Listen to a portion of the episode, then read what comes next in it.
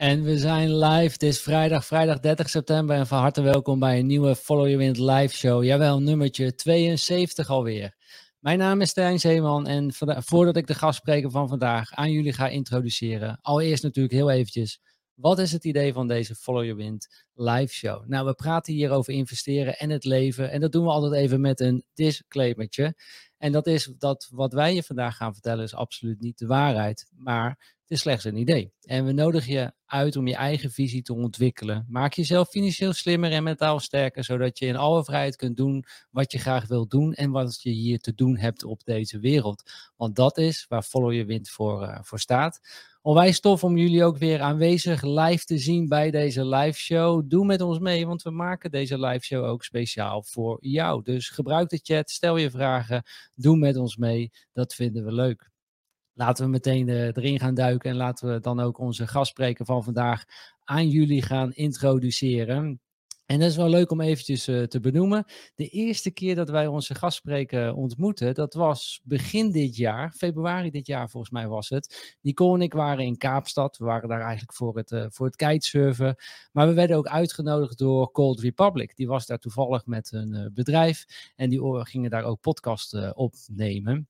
Nou, onder andere, we werden dus uitgenodigd voor een etentje met uh, Willem Middelkoop, Arno Wellens, Crypto Michael, JJ, Marleen en Bart van Cold Republic. Uh, daar zeg je natuurlijk geen nee tegen, daar ga je naar, natuurlijk naartoe.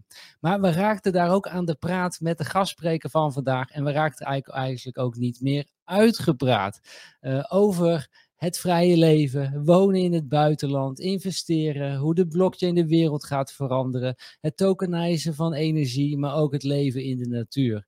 We raakten gewoon niet uitgepraat en Nicole en ik dachten meteen, ja, deze persoon moeten we voor jullie gaan uitnodigen, want dit is gewoon een sterk staaltje follow your wind. En dat is natuurlijk waar we elkaar ook mee willen inspireren.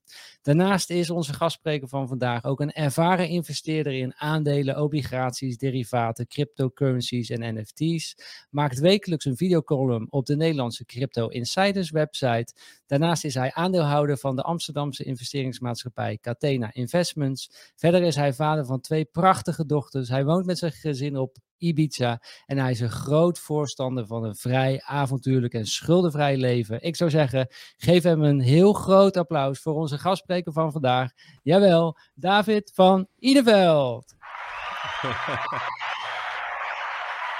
man, man, wat een introductie. Welkom David en onwijs tof om je hier in de live show uh, te hebben. En ik live van Malaga en jij live vanuit? Ja, San Carlos, Ibiza. San Carlos Ibiza. Is het bij wow. jullie ook, is ook slecht weer of niet? Is het slecht weer nu bij jullie trouwens? Nee, ja, ik kijk, ja, ik kijk naar een strak blauwe lucht, uh, kijk ik. Ja, nu wij ook. Maar vannacht een partij regen gehad. Oh, een keer goed, maar uh, hoort er ook bij. Die hebben we wel gehoord vannacht. Toen, uh, toen we op bed lagen was er inderdaad flinke regen, flinke wind. Um, daar hebben we geen gebruik van gemaakt qua kitesurfers. Maar, uh, uh, maar nu is het weer heerlijk uh, zonnig is het. Um, welkom David, tof om je hier te hebben. Ja, laten we het maar meteen aftrappen. Ibiza, jullie zijn daar naartoe gegaan. Het was volgens mij 2013. Hebben ja. jullie jullie spulletjes gepakt en hebben jullie gezegd we gaan naar Ibiza. We zijn daar natuurlijk heel nieuwsgierig naar waarom Ibiza. Maar allereerst, hoe zag jullie leven in, in Nederland er gewoon uit? En waarom zijn jullie vertrokken naar Ibiza? Nou, destijds uh, woonden we in Amsterdam. We hadden een heel leuk uh, huurhuisje aan uh, de Oudezijds Voorburgwal. Ehm, ik wilde altijd al naar Ibiza. Um, en mijn vorige vriendin daarvoor, die, die had dat niet, niet helemaal zo... ja, die, die wilde dat eigenlijk niet. En nou, uiteindelijk dat ging uit. Ik kreeg een nieuwe vriendin en ik zei nog steeds van... ik zou super graag naar Ibiza willen. We hadden destijds iets van een, een jaar. En toen zei Corine nog steeds, uh, nou is mijn vrouw inmiddels. En zei, ja, laten we gaan. En uh, ik had heel kort, ik ben altijd ondernemer geweest. Maar na mijn studie dacht ik, ik ga heel kort even proberen bij een bedrijf te werken. Nou dat heeft uh, tien maanden geduurd. Uh, dus het was voor mij ook heel gemakkelijk om te zeggen van, nou weet je wat, ik, ik zeg mijn baan op. We hadden een klein beetje geld en ja, we vertrokken naar, naar Ibiza. We zeiden ons huurhuis op in Amsterdam. En was trouwens een hele leuke tijd daar. Uh, af en toe kijk ik nog wel met heel veel uh, liefde op terug, om het zo maar te zeggen. Was een mooie periode.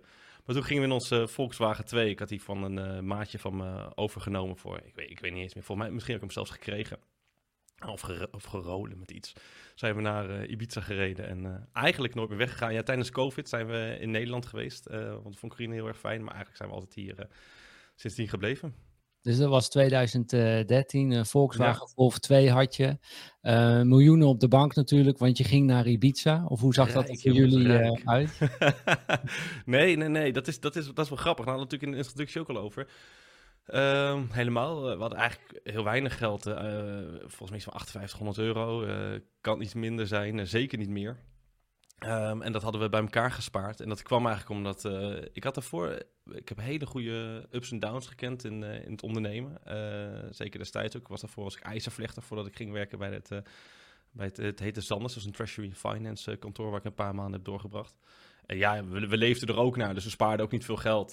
Ja, het is inmiddels al negen jaar geleden. We waren 27 of zo, 28. Um, ehm, en dat, nee, we gingen dus met een paar duizend euro erheen. Maar ik had toen wel altijd al, en dat heb ik nog steeds, de vrijheid van, nou, dat is voldoende. Hè, kan waarschijnlijk uh, kunnen we het drie, vier maanden redden. En we gaan gewoon iets doen en we gaan het gewoon regelen. En ja, we, we, ondernemen onszelf er wel weer, wel weer uit. Dus ja, super vrij erheen gegaan. En ja, waar, kom, waar, komt die mindset vandaan dat je zegt van uh, we hebben een Volkswagen Golf 2, en we hebben 5800 euro en we hebben meer dan genoeg, we kunnen gaan. Want ik hoor juist bij heel veel mensen dat, dat er is nooit genoeg geld om te gaan, zeg maar. Dat is altijd het bezwaar. Hoe, hoe kon jij zo vrij in je hoofd zijn? Wat, wat heb je meegemaakt of hoe denk je daarover? Ja, ik, ik kom sowieso uit een ondernemersfamilie. Uh, wij hebben altijd, uh, en ik, ja, eigenlijk ook een hele vrije familie. Hele, hele, we zijn denk ik een hele vrije, vrije denkers. Um, ik denk van, vanaf jongs van heb ik gewoon meegekregen, je, je, regelt het gewoon of je, of je regelt het niet. En als je, een bezwaar, als je iets wilt doen, dan doe je het. En kijk, wat ik, ik hoor dat namelijk veel over dat geld. Dat is, dat is wel interessant. Van ja, ik, ik, heb, moet eerst zoveel sparen of ik moet eerst uh, zoveel doen uh, voordat ik dat kan doen. En dat noem ik eigenlijk altijd voorwaardelijk leven. En ik heb heel erg de instelling dat als je iets doet, doe het onvoorwaardelijk. Ga er vol in. En dan zie je eigenlijk wel hè, waar schipstrand en on the go. Hè, terwijl je het doet, leer je heel erg veel. En natuurlijk kun je zeggen van, nou, ik spaar uh, iets meer 10.000 euro of 15.000 euro. Maar waar ik achter kwam is, er komt een moment dat, eh, laten we het hebben over het verhuizen naar het buitenland, dat je op je eigen benen moet gaan staan. Dus dat je niet meer kunt leunen op het geld wat je hebt gespaard, maar dat je het moet doen uh, met het geld wat je, wat je daar gaat verdienen. Ja, met 6000 euro komt dat moment gewoon iets eerder. Met 15.000 euro komt het moment iets later. En met een ton komt het moment nog iets later. Met een miljoen komt het nog iets later. Maar vroeg of laat komt het. Nou ja, uh, dan heb ik liever dat het moment wat eerder komt. En ik had geen zin om te wachten, uh, om te blijven wachten in Nederland en door te blijven sparen. Nou, dan gaan we gewoon uh, hup, de spullen pakken we gaan naar Nederland. En let's go for it. En ik denk dat dat, dat had ik toen al heel erg door. En ja, dat, dat, dat is precies wat het eigenlijk is geweest. En dat is niet, ik wil niet zeggen dat het makkelijk is geweest hoor, maar dat is eigenlijk wel zoals het, uh, zoals het is. Ja, mooi. En ik herken dat ook. Uh, Nicole en ik zo dat uh, enorm herkennen. Wij zijn ook met zes koffertjes richting Malacca gegaan. En eigenlijk gewoon wat geld op je rekening. En wij dachten, nou, we kunnen het een jaar uitzingen. En na een jaar zien we het wel. En wij zeiden dus ook, iedereen vroeg ook altijd aan ons, hoe lang gaan jullie dan naar Malacca? Ja, dat wisten wij niet, weet je. Als het goed voelt, blijven we daar. Voelt het niet goed, gaan we weer weg. Ook prima voor ons.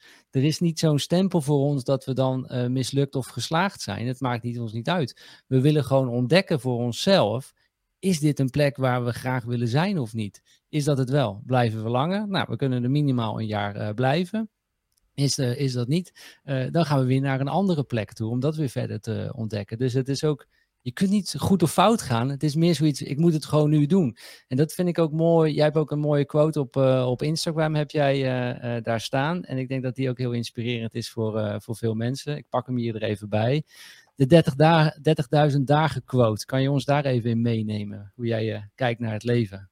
Ja, dat is... Ehm, ja, ik, wat ik mooi vind aan deze quote is het laat de vergankelijkheid van het leven heel mooi zien. Dus de meeste mensen denken dat we oneindig hebben. En daardoor verdwijnt er een gevoel van uh, urgentie. Hè? We, dat doen we allemaal later wel. Je hoort heel snel, ja, als ik uh, uh, klaar ben met werken, of als ik wat ouder ben, of als ik zoveel heb gespaard, dan, dan ga ik dat doen. En dat, dat uitstellen, dat, ik, noem het altijd, ik noem het altijd voorwaardelijk leven. Dat zorgt ervoor dat je, dat je het uitstelt. En voor uitstel komt afstel en, het leven verandert en, en je komt er niet uit. En op het moment dat je, op moment dat je realiseert, hey, ik heb gemiddeld gezien maar 30.000 dagen. En uh, ik zeg even wat, ik ben al op dag 12.000. Dus dat houdt in dat ik er nog maar 18 over heb. 18.000. Oh, wauw, dan wordt het in één keer heel erg anders. En je kunt het nog veel meer, je kunt het nog veel uh, zichtbaarder voor jezelf maken. Je kunt zeggen van, van die 30.000 heb je, eh, laten we zeggen, 22.000 fitte dagen. Hè? Want die laatste 8.000 dagen ben je al een stuk ouder. Dus dan wordt het al wat, wat rustiger. Dus holy shit, ik ben al op dag 12.000. Ik heb eigenlijk nog maar 10.000 dagen. Weet je, wat ga ik doen met die 10.000 dagen? En wat ik daar mooi aan vind is... Uh, het is niet de bedoeling dat je daar depressief van wordt. Maar het, wat mij inspireerde het een heel erg gevoel van urgentie. En dat had ik een aantal jaar geleden. Uh, jaar of twee, drie kwam die heel erg, uh, kwam die heel erg binnen bij mij. Toen zat ik een beetje op, op, opnieuw te kalibreren van wat wil ik nou doen. En toen kwam ik ook deze quote tegen. En toen dacht ik, ja, weet je, dit, ja, het, het bracht mij heel erg uh, in beweging, om zo maar te zeggen. Mooi, mooi. Nou, en wat je nu aanraakt bij mij is ook iets dat die 8000 laatste dagen, zeg maar, dat is eigenlijk dan, dan kan het zo zijn dat je minder fit bent. Dat je fysiek gezien de dingen niet meer kunt doen die je nog graag zou willen, willen doen of gedaan had willen hebben, zeg maar. En dat heeft ons uh, een paar jaar geleden ook geraakt. Dat wij tot dat inzicht kwamen van, hey, waar zijn we nou eigenlijk met z'n allen mee bezig in deze wereld? We gaan uh, als kind zijnde, nou hebben we best wel de luxe in Nederland, of heel veel kinderen in Nederland hebben best wel veel de luxe dat ze in vrijheid kunnen opleveren en daar echt kunnen vrij van genieten. En dat er niet een oorlog is waar ze als kind mee te, te maken hebben. Dus daar kunnen we heel dankbaar zijn. Je ben, je, we, nou, ik heb een hele vrije jeugd gehad. Daar ben ik mijn ouders onwijs dankbaar voor. En de omgeving. Hè? Dus dat is een hele mooie tijd geweest. Maar dan ga je vanaf je 18e tot je 65ste. En dat is misschien wel de periode waarin je fysiek het allersterkste bent. Kijk maar naar de topsporters. Hè? Tot hun 35ste. Dan, dan pas raken ze hun piek. Hè? Maar daar zo. Ja. De, de belangrijkste, de meest fysieke momenten in ons leven, die gaan we dus opofferen voor nou, toch wel tegenwoordig veel mensen voor werk wat ze eigenlijk helemaal niet zo leuk vinden. Voor werk wat zelfs hen in een burn-out brengt. En dat is eigenlijk je meest belangrijke periode in je leven. Om dan uiteindelijk, als je dan zoveel gewerkt hebt en je bent helemaal binnen als het ware, dan ben je, of je mag met pensioen, dan ben je 65 en dan breekt er een periode aan waarin fysiek gezien niet je sterkste periode komt. Daar doen we het dan allemaal voor. En toen wij dat door hadden, dachten we echt, jeetje, wat zitten we in een slechte droom? Waar zijn we met z'n allen mee bezig? En kan, kan het niet anders? Daar zijn we eigenlijk op zoek naar uh, gegaan. En we wisten het ook niet hoe dan. En we leren iedere dag nog. En dan zullen we straks nog wel even iets van laten zien, uh, David. Dat hebben we niet voorbesproken, maar ik heb iets meegenomen hoe de, de cashflow loopt van, van de armen, de middelklas en van de rijken. En daarin zie je wel dat je, als je door hebt hoe cashflow loopt, en ook voor uh, jouw persoonlijk bedrijf, zeg maar, als persoon, ja, dan kun je het wel omzetten. Dan kun je juist ook een leven creëren in die fysieke periode dat je heel sterk bent. Um, en, en naar je toe uh, laten draaien. Ik denk, daar gaan we het uh, straks over hebben. Um, maar wat ons ook heel erg aansprak en toen we jou spraken, is dat jij, jullie zijn ook off-grid gaan leven, in een tiny house gaan leven. Kun, kun je me mee, of, volgens mij ook iets met een mountainbike, toch, was het? Ja, ik kan zeker heel even terug over wat je net zegt over de mensen zijn klaar met studeren, want dat hangt daar ook mee uh, samen met het off-grid leven. Je studeert, ik heb, ik heb heel veel gestudeerd. Dat is, ik, heb, ik vind studeren nou eenmaal heel erg leuk. Ik heb altijd leuk gevonden, dus ik was eigenlijk vanaf mijn 17e ging ik met wat maat, uh, was 17, ja net 18, gingen we IJzervlecht, hadden we een bedrijfje in uh, bouwstaal. Maar daarnaast ben ik altijd wezen studeren. Dus uh, ik heb business administration gedaan, finance, heb ik het over masters, summer school, MBA in Amerika, dat, dat allemaal terzijde. En ook elke keer hoog afgesloten, goede cijfers gehaald. Dus ik volgde wat dat betreft heel erg het pad wat iedereen verwacht. En zeker ook in mijn omgeving was ik altijd de jongen. David uh, is heel erg slim, haalt hoge cijfers. Uh, weet je, die krijgt een hele goede baan. En juist toen, hè, dus tegelijkertijd was ik, nou, ik was altijd wel een beetje een vreemde eend in de bijt. Want ik was die jongen die finance studeerde, maar ondertussen, s s'avonds of af en toe nam ik een dag door de week vrij van studeren. Zat ik net te sjouwen om hè, die betonmatten neer te leggen, om, om bij te verdienen. Of, eigenlijk, dat, dat, was een, dat was een leuke business. Maar dan ben je klaar en toen heb ik dus een aantal maanden geprobeerd ergens te werken. Uh, heeft me overigens uiteindelijk wel leuke dingen opgeleverd, want die mensen die ik daar heb ontmoet zijn niet mijn compagnons. Maar toen realiseerde ik me al direct van, wow, dit is totaal niet de hoek uh, waar ik, waar ik uh, wens in te gaan. Ook al heb ik gestudeerd en ook is dan het logische pad dat je ergens gaat werken. Ja, dit, dat, dat, dat, dat klopt gewoon niet. En het, het werkte voor mij persoonlijk ook niet. En ik, ik hoop niet dat iemand zich hier offended bij voelt. Ehm, het, het, klopt ook gewoon niet vanuit een risicoperspectief. Ik ben echt van mening dat als je jong bent, je als het ware maximaal risico moet nemen. Uh, en dat risico moet afbouwen naarmate je ouder wordt. En de huidige maatschappij werkt exact andersom. Die, iedereen die denkt van, oh nee, neem maar een veilige baan, ga maar ergens werken. Maar als je droom wilt najagen, dan kom je ook op die 30.000 dagen uit. Dan moet je dat juist doen zodra je net begint. En uh, nou ja, ik, ik, ik heb sowieso wel een grote risk appetite, dus ik zou het misschien wat langer doorzetten. Maar de meeste mensen die, die tellen het inderdaad uit. Terwijl ja, het is voor mij heel erg logisch om, om juist vroeg te beginnen. En als je dan op je, op je mail gaat, dan kun je of heel gemakkelijk weer opnieuw beginnen. Of je realiseert uit je uiteindelijk van oké, het is niet gelukt. Maar dan kun je zelf in ieder geval recht in de spiegel aankijken van hé, hey, ik heb het geprobeerd. Weet je, ik, uh, ik ben er vol voor gegaan, is niet gelukt. Maar je zult nooit, denk ik, meer echt last krijgen van een midlife crisis. Want je kunt jezelf met een zuiver geweten aankijken dat je er vol voor bent gegaan. En, uh, en, en toch, ik ben trouwens ook van overtuigd dat als je er vol voor gaat, het brengt je altijd wel weer ergens anders. Maar goed, het is mooi, ja? mooi, dat je dit zegt. En vooral ook, uh, ik denk ook als je, stel nou dat we straks 50 zijn en je hebt dingen opgebouwd, dan heb je als het ware ook minder, meer te verliezen. Hè? En dan lijkt het mij ook veel moeilijker om nog dat besluit te gaan nemen, omdat je veel meer hebt te verliezen. Maar in het begin, ja, in die end, we worden allemaal natuurlijk naakt geboren en we gaan naakt dood, zoals Steve Jobs ook uh, zei. Dus juist in het begin, wat jij dus aangeeft, is het gewoon, ga voor die risico's. De, ga het ontdekken, wees nieuwsgierig, wat heb je te verliezen? Dat, dat, dat was voor mij ook. Ik was student en toen ben ik begonnen met, uh, met ondernemen. Ja, ik was student. Ik woonde op een kamertje van uh, 11 vierkante meter. Uh, nou, dat kon ik gewoon betalen door in de horeca te werken. Wat heb ik te verliezen? Ik kan altijd weer in de horeca gaan werken. Ik heb twee handjes, kan ik het altijd mee verdienen. Alleen ja, ik zat op een IT-opleiding en zij leerden mij iets over websites. En niemand op dat moment wist iets over websites. Dus ja, ja wij zijn maar websites gaan bouwen en verkopen. En bleek dat we veel meer konden verdienen dan uh, in, de, in de horeca. En, en zo is het ondernemen dan begonnen. Maar ook uit die gedachte van, wat heb ik te verliezen? En, ja, uh, exact. En zolang je maar dan terugkomt, en daar kom ik denk later op. Ik, ik, ah, ik, vind, ik vind het helemaal niet erg om alles te verliezen. Ik, ik vind het wel erg om, de, om onder de nul te komen. Dus om negatief te komen, weet je. Dus dat je echt schulden moet gaan aflossen en, en, en dat soort zaken. Maar als je gewoon, zeker als je jong bent en uh, nou, ik zou het zelf tot me, nou misschien, ik, weet het niet, maar als ik 50 ben zou ik het wellicht nog doen. Dat, dat er zit een stukje in me, maar laten we het breed genomen. Het is super verstandig in mijn optiek om vanaf jongs af aan wel meer risico te nemen dan af te bouwen. En dat is eigenlijk precies het tegenovergestelde wat je ziet in de maatschappij. Maar goed, wij gingen dus naar, en dan kom ik op je eerdere vraag, we gingen naar Ibiza. En uh, uh, nou ja, we gingen dus met, met, met vrij weinig geld erheen. Dat was na een maand of uh, vier, vier op. Ik heb van alles gedaan, hè. zeker de eerste paar jaren, van oesterman tot botenverhuur. het waren allemaal kleine bedrijven die ik had opgezet. Uh, online marketing, uh, Jeep safaris. Uh, nou, ik ben er waarschijnlijk nog een paar vergeten.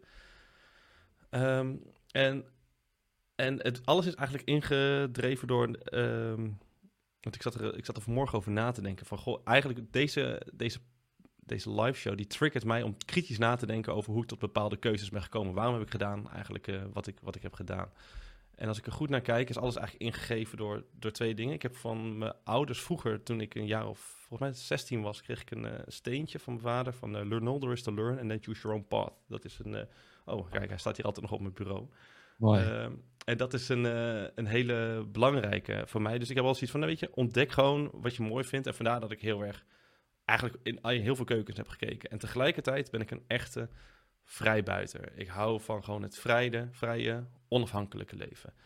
Um, en dat was, hè, we gingen naar Ibiza en we, gingen dus met, met weinig geld erheen. En dat heeft ook echt zijn prijs gekend. Want het liep niet echt lekker in het begin. Uh, ondanks dat we super gelukkig waren, was het financieel echt waardeloos. Weet je, het was gewoon, we zijn meerdere malen, uh, hebben en ik helemaal, helemaal aan de grond gezeten. Ik heb nog zo goed moment herinneren dat we eigenlijk alle euro's, of eigenlijk, nou, het, was, waren niet eens euro's, het waren van die 20 cent muntjes, zo hadden we bij elkaar geraapt. je vindt nog wat tussen de stoel van de auto en uh, je vindt nog wat ergens in een bakje. Hadden iets van 1,80 euro of 1,90 euro bij elkaar. Ja, wat kun je ervan doen? Ja, dat kun je wel moeilijk doen. Toen zijn we naar uh, Las Dalias gegaan. Dat was een soort van markt die tegenover, hij is inmiddels achter, maar destijds tegenover ons huis. Ja, daar hebben we één koffie van besteld en samen gedeeld met elkaar. En van hè, alle om te een slokje en we denken, oké, hoe gaan we dit nu oplossen? Nou, uiteindelijk was de oplossing dat we geld hebben geleend van een goede vriend en uh, konden we er weer doorkomen en zo kwamen we weer, uh, weer verder. Um, maar dat, dat, dat proces was achteraf heel erg mooi, maar tegelijkertijd af en toe ook heel erg rauw, omdat mensen die ik bijvoorbeeld tijdens mijn studie bijles uh, quantitative finance gaf. Ik zeg maar even iets. Die hadden uh, een hele goede baan in, uh, in Londen. En die haalden twee, drie ton bonus extra binnen op een jaar. en die gaf ik bijles, weet je. Ik, ik, ik, zij waren degene van, jeetje David, wat snap je het goed? En ik zat hier een koffie te delen met mijn vriendin en te bedenken van, oké, wat gaan we doen? En toen kwam uiteindelijk ook het idee voor, voor oesters. Um, maar het was allemaal, we zijn daar beland omdat we, ja, ik wilde van alles proberen. Corine wilde van alles proberen en we wilden heel erg vrij en onaf, onafhankelijk zijn. Um, uiteindelijk, lukte, dat dan, lukte ja. dat dan niet in Nederland? Kon je daar dan niet doen, zeg maar? Um, goeie vraag. Ik heb me, weet ik niet, ik, ik heb me nooit echt thuis gevoeld in Nederland. Nog steeds niet. Ik vind Nederland persoonlijk niet zo'n leuk land. En het heeft een hele mooie natuur. Ik vind de natuur in Nederland prachtig. De hoge Veluwe, het lage Veluwe, gewoon de Veluwe. Uh, de bossen, daar, uh, daar ben ik heel erg van. Maar ik vind de cultuur en de mentaliteit niet zo leuk. En dat is niet alleen eigen aan Nederland. Dat is ook, uh, dat kun je ook zeggen over Engeland, Duitsland. En een beetje die hele westerse maatschappijen. Nou is Spanje dat natuurlijk ook. Maar hoe ik bij Ibiza ben gekomen is... de tweelingbroer van mijn vader woont hier al 35 jaar of 40 jaar. Ik weet niet, zo, zo lang ongeveer. Mijn vader ging altijd zijn tweelingbroer opzoeken. Dus vanaf dat ik, ik weet niet hoe, eh, ik kan me niet herinneren dat ik niet op Ibiza kwam als kind. Je hebt hier een campingstukje verderop, Camping Calanova. Daar zaten we dan de hele zomer. En ik ben altijd opgegroeid hier. En tenminste in de zomer, hè, waren lange vakanties, zaten we hier. Want je ging niet voor een week hier naar de camping toe. Dus je zat altijd drie, vier, vijf weken. En toen was Ibiza nog heel anders. En ik zei altijd van, nou, als ik klaar ben met studeren, dan ga ik naar Ibiza. En dat heb ik eigenlijk ook gewoon gedaan. Dus ik heb er ook helemaal niet over nagedacht van, kan ik dat hele vrije leven doen in Nederland? Waarschijnlijk wel, maar ik heb me altijd hier meer thuis gevoeld. En ook omdat het hier... Ibiza is een van de weinige plekken ter wereld waar een miljardair en een hippie twee totaal uiterste van de maatschappij aan een bar samen een biertje kunnen drinken en een leuke avond kunnen hebben. Dat is een, het is een dit is, dit is, uh, dit is zo'n bijzondere plek wat dat betreft. Weet je, omdat je zoveel verschillende lagen van de maatschappij kruisen elkaar. Dat het eigenlijk, het is gewoon ja, altijd één groot sociaal experiment hier, als het ware. Ja, dat, dat, dat vind ik fascinerend. En, en ja, zo zijn we ongeveer hier bij, uh, bij Ibiza gekomen. Maar die, die kwestie van onafhankelijkheid en vrijheid, ja, die bracht ons uiteindelijk ook. En ook dus, omdat we geen geld hadden, moesten we dat huis uit. Moesten we door naar, uh, naar andere huisjes. Uh, en zo zijn we uiteindelijk bij een, uh, ja, bij een tijdje een soort van off-grid community gekomen in Morna. Maar dat, dat was wel echt een geweldige ervaring. Daar kijk ik met superveel plezier op terug. Vertel iets meer over. Hoe leeft jullie? jullie leefden in een, in een yurt volgens mij ook, uh, toch? Nee, dat had je daar. We hadden een heel klein uh, huisje. We willen trouwens, in ons huidige huis willen we een, een, een yurt uh, plaatsen. Gewoon maar, ehm, we hadden, nee, het was, het was een super klein huisje. Dat was weer een, een soort van annex aan, aan een groter huis. je zat in, Mo ja, je hebt zeg maar Morna Valley hier en de eerste rij van Morna Valley, dat is eigenlijk wat iedereen kent. Maar als je verder de berg in gaat, of eigenlijk er zit een soort van echt een vallei achter, ja, daar heb je geen uh, elektra-aansluiting en geen, uh, geen water of, of niks. Want dat, dat, kan daar gewoon niet komen. Nou ja, daar heb je een, aantal van dit soort uh, huisjes. Echt bijna niemand op gebied, heb ik zeker, kent dit. Want je moet het maar net weten. daar zijn we terechtgekomen. En omdat er dus niks is, ja, moest je een soort van zelfvoorzienend leven. En dat deden we dan niet. Hè. Ja, je had een aantal mensen daar die hadden die hadden uh, van die moestuinen, dat, dat, dat, hadden wij niet. Uh, we, we hielpen dus nu dan wel eens aan mee. Maar dat, wij hadden gewoon wel hè, solar en uh, nou ja, water kwam via een tank. En uiteindelijk is dat later is daar wel volgens mij een put, een put geslagen. Maar het maakt je heel erg bewust van hoe is het nou om zelfstandig te moeten leven. En ik, ik, vond, ik, vind, dat, ik vind dat nog steeds... ik vind dat nog... Ik moet heel even iets weg. Ik vind het nog steeds heel fascinerend. Want uh, dat, dat, dat, dat onafhankelijke. Uh, Dit had je denk ik niet daar in die plek, hè? Dat je dan opeens gebeld werd, zeg maar. Nee, nou ja, dat, is, dat is dus grappig. Ik heb mijn uh, vliegtuigmodus aanstaan. Maar wat denken mensen dan? Oh, dan bel ik wel even via WhatsApp. dan, ja. krijg ik hem, dan krijg ik hem alsnog binnen. Ehm, nee, maar dat, dat, dat, dat off-grid leven, dat, dat onafhankelijk, dat maakt je dan heel erg bewust van... Jeetje, wat, wat, wat je allemaal zelfstandig kunt doen. En, en ja, dat, daar, daar word ik gewoon enorm door getriggerd. En dat was ook het moment dat ik natuurlijk in aanraking kwam met cryptocurrencies... Uh, andere zaken. Uh, ja, dat eigenlijk. Mooi, mooi, mooi, mooi. Dit is, um, maar dat was dus wel een, een rauwe periode. Wat, wat, voor werk deden jullie op dat moment? Want uh, je, je, had niet veel te besteden, daardoor ging je in de tiny house. Maar je deed wel werken op Ibiza volgens mij? Of, ja, toen was wat, ik uh, oesterman.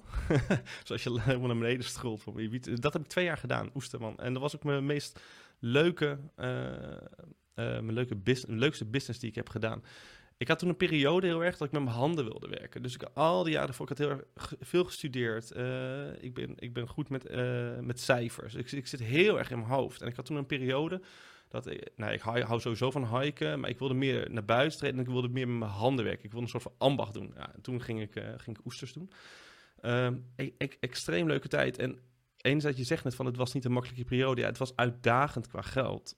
maar een van mijn, ja, als ik een top 10 zou moeten maken van de meest gelukkige momenten uit mijn leven, zijn die wel daar gemaakt. En, en dat is zo fascinerend. En, dat, dat, en ik hoop ook dat mensen dat zelf gaan meemaken. Dat het is zo. Het is, ik weet dat het een cliché is. Hè? Geld maakt je niet gelukkig. Kijk, geld is super handig. Maar ik, je bent er niet afhankelijk van. En doordat ik die. Hè, je bent niet afhankelijk van geld voor echt geluk ervaren. En, en die ervaring, die, die koester ik nog steeds erg. Want nu zit ik in een hele andere fase van mijn leven. Maar ik weet dat mocht het nou ooit helemaal fout gaan, ik zeg maar even wat. Uh, ik, liever niet, ik, hè, ik begin liever niet opnieuw. Maar als het moet, dan, dan doe ik dat. Want ik weet gewoon, ik kan nog steeds, als ik uh, de juiste, aan, aan, de juiste basisvoorwaarden voldoe, een heel, er, heel erg gelukkig zijn in, in, het leven. Ja, en dat, dat heb ik daar geleerd, dat heb ik daar meegemaakt. Dus daar ben ik zeker, uh, zeker heel erg dankbaar voor. Mooi, mooi, ik herken dat. En tegelijkertijd triggert mij dit ook wel iets, David. Waarom hebben wij dan nu toch weer die andere keuzes gemaakt? Want Nicole en ik hebben samen uh, nou, een half jaar, drie kwart jaar in een camper geleefd. En zijn we naar uh, Portugal gaan reizen, zijn we de wind gaan volgen. We hadden ons huis wel uh, verhuurd. En omdat we in een camper leefden, konden we van het huis leven. Dus in die zin hadden we wel, die, die vrijheid hadden we dan wel. Maar het was wel primitief. Hè? En ehm, het was ook voor ons zoals jij het beschrijft, een van onze gelukkigste, gelukkigste periodes in ons leven. Terwijl het super primitief was. Gewoon in de camper. En ik heb nog nooit zo lekker geslapen, omdat juist die wind door de camper kwam. En dat er gewoon zuurstof uh, door de camper kwam. Terwijl in je huis is alles dichtgebouwd. En is het veel, veel lastiger, zeg maar, om die zuurstof er doorheen te laten ja, gieren. Jij zegt het nu, ik zit er nu aan te denken. We hadden toen volgens mij, waren onze vaste lasten all in. Gewoon uh, huur en uh, wat je daar nog mee had. De auto een Renaultje 4 was voor mij iets van 600, 700 euro. En als ik een goede dag oesters deed, hè, ik kocht die oesters in voor een euro, dan kon je hier zo'n biesclub verkopen voor 2 euro. Nou, op een goede dag eh, kon ik er wel 150 of 200 euro of 200 verkopen. Had je een paar honderd euro verdiend. En als ik dat twee dagen deed, had ik eigenlijk gewoon voor de hele maand had je gewoon de vastlasten. Corine die werkte ook een beetje voor een paar honderd euro. Dus we hadden eigenlijk, nou, we, hadden, we werkten niet zoveel. We hadden super veel vrije tijd. En we hadden gewoon voldoende om ja, daar uh, een beetje alternatief te leven. En, en, ja, en te genieten van, uh, letterlijk van het leven. Ik had zoveel tijd om, om, om te hiken. Daarom, ik heb het eiland wel meerdere malen helemaal rondgelopen. Ik in ieder paadje. Want ja, ik was, uh, ik was makkelijk drie, vier uur, meerdere malen per week. Ik meen misschien wel vier, vijf keer in de week gewoon, gewoon voetsie. Weet je, soms met zonsopgang, soms met zonsondergang of midden op de dag. We hebben een hond, we hebben twee honden. ja, geweldig, geweldig. Ja, dit, dit was het voor ons ook. De, de, de wind bepaalde. De wind bepaalde waar we naartoe gingen. En daar gingen we kitesurfen, midden in de natuur. Geen afleiding van een telefoon, geen verplichtingen. Niemand die wat hoefde van ons en, die periode. Maar hoe, hoe kan het dan dat wij alle twee zeggen dat dat een van onze gelukkigste periodes in ons leven was? En als je kijkt nu naar ons leven, hebben we het hartstikke goed. We, we, zitten in een huis, we hebben het veel. Maar waar zijn we, wat zijn we eigenlijk aan het nastreven? Waar zijn we eigenlijk mee bezig dan? Want we zijn nu wel we zijn ja, toch minder in de natuur, omdat we toch iets voor de, de, het bedrijf willen doen of iets op willen zetten of zo, toch? We offeren dat stukje nu wel op voor iets anders, maar waar gaat het eigenlijk ons naartoe leiden? Waarom, waar, ik vraag het oprecht, waarom doen we dit eigenlijk dan toch? Ja, hele goede vraag. we eigenlijk is, weten hoe simpel het kan zijn. Ja, dit, dit is een vraag die stel ik mezelf best wel vaak. Uh, want uh, wat wij nu betalen aan onze vaste lasten, hadden we voorheen een half jaar van, uh, van geleefd, uh, bij spreken. Dat is echt een groot verschil. Maar aan de andere kant, het is allemaal in, in verhouding gegaan. Um, wat ik mooi vind aan deze fase van, van mijn leven, is dat door de financiële vrijheid die wij hebben gecreëerd en nog steeds aan het uitbouwen zijn, zijn we veel meer in staat andere mensen te helpen. Dus voorheen waren we misschien in staat mensen te inspireren, hoewel de grap is, onze, onze omgeving destijds reageerde heel erg van... Oh ja, jullie wonen op Ibiza, uh, leuk, maar... Kijk eens, gewoon een heel klein huisje. Maar ze hebben niet echt geld. Eh, maar weet je, er is altijd, mensen proberen altijd de reden te zoeken om voor hun te verklaren... of om goed te praten in hunzelf waarom ze iets niet, uh, iets niet moesten doen. Ehm, dus enerzijds, we zullen vast wel mensen daarin hebben geïnspireerd, maar dat hebben we in ieder geval nooit gehoord. Ehm, maar wat ik nu mooi, mooi vind aan deze fase is dat ja, geld is nou eenmaal een belangrijk iets binnen het leven. En de combinatie, denk ik, vrijgeest met ook nog wat te besteden hebben, is denk ik een hele mooie combinatie. En ik vind het leuk dat we nu de mogelijkheid hebben om ook, nou, we hebben mijn ouders zaten in de schuld als gevolg van een flink faillissement vele jaren geleden. Nou, dat hebben we kunnen, dat, dat hebben we kunnen verhelpen. Weet je? Dat, dat, dat is ook heel erg mooi. En dat, dat geeft ook heel erg veel voldoening. En dat kon destijds hadden we dat niet kunnen doen. Want we konden zelf amper financieel in ieder geval ons hoofd boven water houden. En ik moet wel eerlijk zeggen, we hebben nou, vijf jaar geleden onze eerste dochter geboren. Ehm, en misschien is dat ook wel het mooie yin en yang in onze relatie. Ik had prima zo vrij buiten door kunnen gaan, maar Corine zei: nee, nee, nee, dit is iets te veel, veel af en toe. Ik wil wat meer stabiliteit creëren. En uh, dat is ook heel erg goed gebleken, dus daar vullen we elkaar aan. Dus ja, maar het is wel belangrijk om die balans te blijven vinden. Want uh, ik had toevallig afgelopen week een hele drukke week uh, op het werk, of met Catena en met alle andere dingen waar ik mee bezig ben. Ja, en dan krijg ik direct een soort van weerstand in mezelf en een rem van: hey, doe eens even, even dit, dit, dit, dit is niet de bedoeling, snap je? Dus dan probeer dat direct, ik krijg, kan weer heel snel teruggaan naar die balans waarbij ik zeg van nou, eh, probeer ook in ieder geval uh, 10 tot uh, 15 uh, uur per week leuke dingen te doen. Of te gaan hiken of te gaan, uh, of te gaan sporten. Ja, ik, ik ja. Denk, en ik denk dat uh, Babette het ook heel mooi zegt. Ze zegt de, de health en wealth in balans, dat is mijn concept, zegt Babette. En dat ja. vind ik heel mooi. Dat is denk ik waar we aan in de pionieren zijn. En ik denk dat wij ook beide zoiets voorschrijven van... hé, hey, we willen het gaan bespreekbaar maken met, met andere mensen van ja, is de health en wealth nou wel in, in, um, in, in balans in de, hoe de, de westerse samenleving nu is opgezet? Ja, wij, wij denken alle twee van niet. Wij denken dat het anders moet. We weten het ook niet helemaal, maar in ieder geval hoe het nu is ingericht. Je, ja, je bent eigenlijk je, je, je, jezelf, je asset zelf, helemaal aan het uitputten. Ja. Uh, voor, voor iets, voor, ja, voor wat dan? Hè? Ja, wat je krijgt, ik stelde me destijds, en die, uh, dan denken, de hypothetische vraag van stel je verdient 1000 euro per uur. Uh, dan zit er iets in onze geest die niet zegt van... hé, hey, ik uh, werk 10 uur per maand, want dan uh, heb ik 10k en dan is het goed. Nee, dan gaan we juist 60 uur per maand uh, werken, omdat we willen steeds meer, meer, meer. Het triggert iets in heel erg veel mensen, want ja, eerst... mensen zullen zeggen aanvankelijk van nee, ik werk maar 10 uur per maand, want dan heb ik genoeg. Maar zodra je eenmaal 10 uur en en je raakt gewend aan die 10k per maand, ja, dan ga je in één keer, dan kom je erachter dat, hey, die Porsche wordt toch uh, haalbaar. Of dat grote huis daar wordt haalbaar. Of dat, en het enige wat ik daarvoor hoef te doen is uh, 50 uur uh, werken of 40 uur werken. En op het moment dat je daar bent, dan is er weer een level hoger en weer een level hoger. En ik weet dat, dat zit zo diep in de mensen, zo diep in de maatschappij, dat het voor heel veel mensen moeilijk is om daar uit te komen. Maar dat is trouwens ook het mooie aan Ibiza, aan het sociale experiment hier. Er zijn hier zoveel rijke mensen. En ik heb jaren geleden toen uh, een Engelsman uh, kende ik hier, die was uh, bankier in, in Londen en die had zijn had een boel verkocht. En we kwamen in de praat omdat nou, ik, ik heb een achtergrond met finance en we konden daar goed over discussiëren. En toen vroeg ik hem, voel jij jezelf rijk? En toen zei hij nee. En die man is echt wel rijk. Weet je, dat zijn, dat zijn mensen die, die, die vliegen in jets. Um, nee, hij zegt nee, er is altijd iemand die meer heeft. Weet je, er is altijd, want hij zegt van zodra je meer geld verdient, krijg je vrienden die ook veel meer geld hebben. Er is altijd iemand in de groep die, die meer heeft. En, en, en zodra je nog meer verdient, hè, kom je weer in een andere laag. En, en zo blijf je maar doorgaan. En dat deed me ook denken aan een uitspraak van iemand die zei van... ja, geluk is meer verdienen dan je zwager.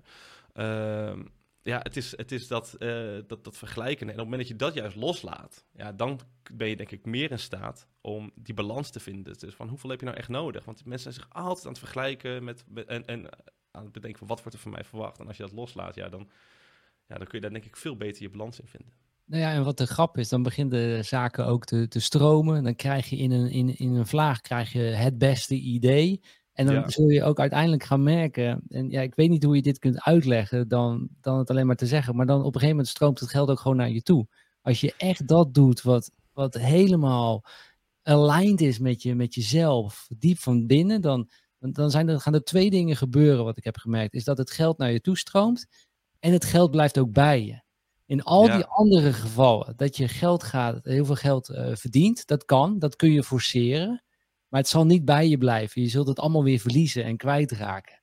Dat is ook een heel bijzonder. Het is, zo, het is leuk je het zegt, want ik, kom aan, ik krijg allemaal weer een soort van uh, flashbacks uh, uit het verleden. Dus, uh, ik kan me nog herinneren dat, het eerste over dat, over dat, dat het naar je toe komt, ik doe me altijd denken aan de metafoor van zand. Hè? Als je zand op je hand laat liggen, zo, dan blijft het op je hand liggen. Als je het vastgeknijpt, dan, dan gaat het tussen je handen, tussen je vingers, glipt het weg.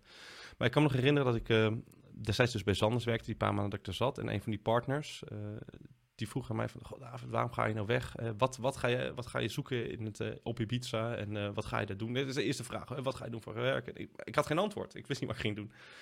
Maar ik gaf wel aan van, ik wilde weer toeval onderdeel laten zijn van het leven. Ik had toen, ik had er maar, en ik had er maar een paar maanden gewerkt, maar ik werkte, het was zo gepland. Je ging van maandag tot en met vrijdag ging je naar kantoor, je had lange dagen.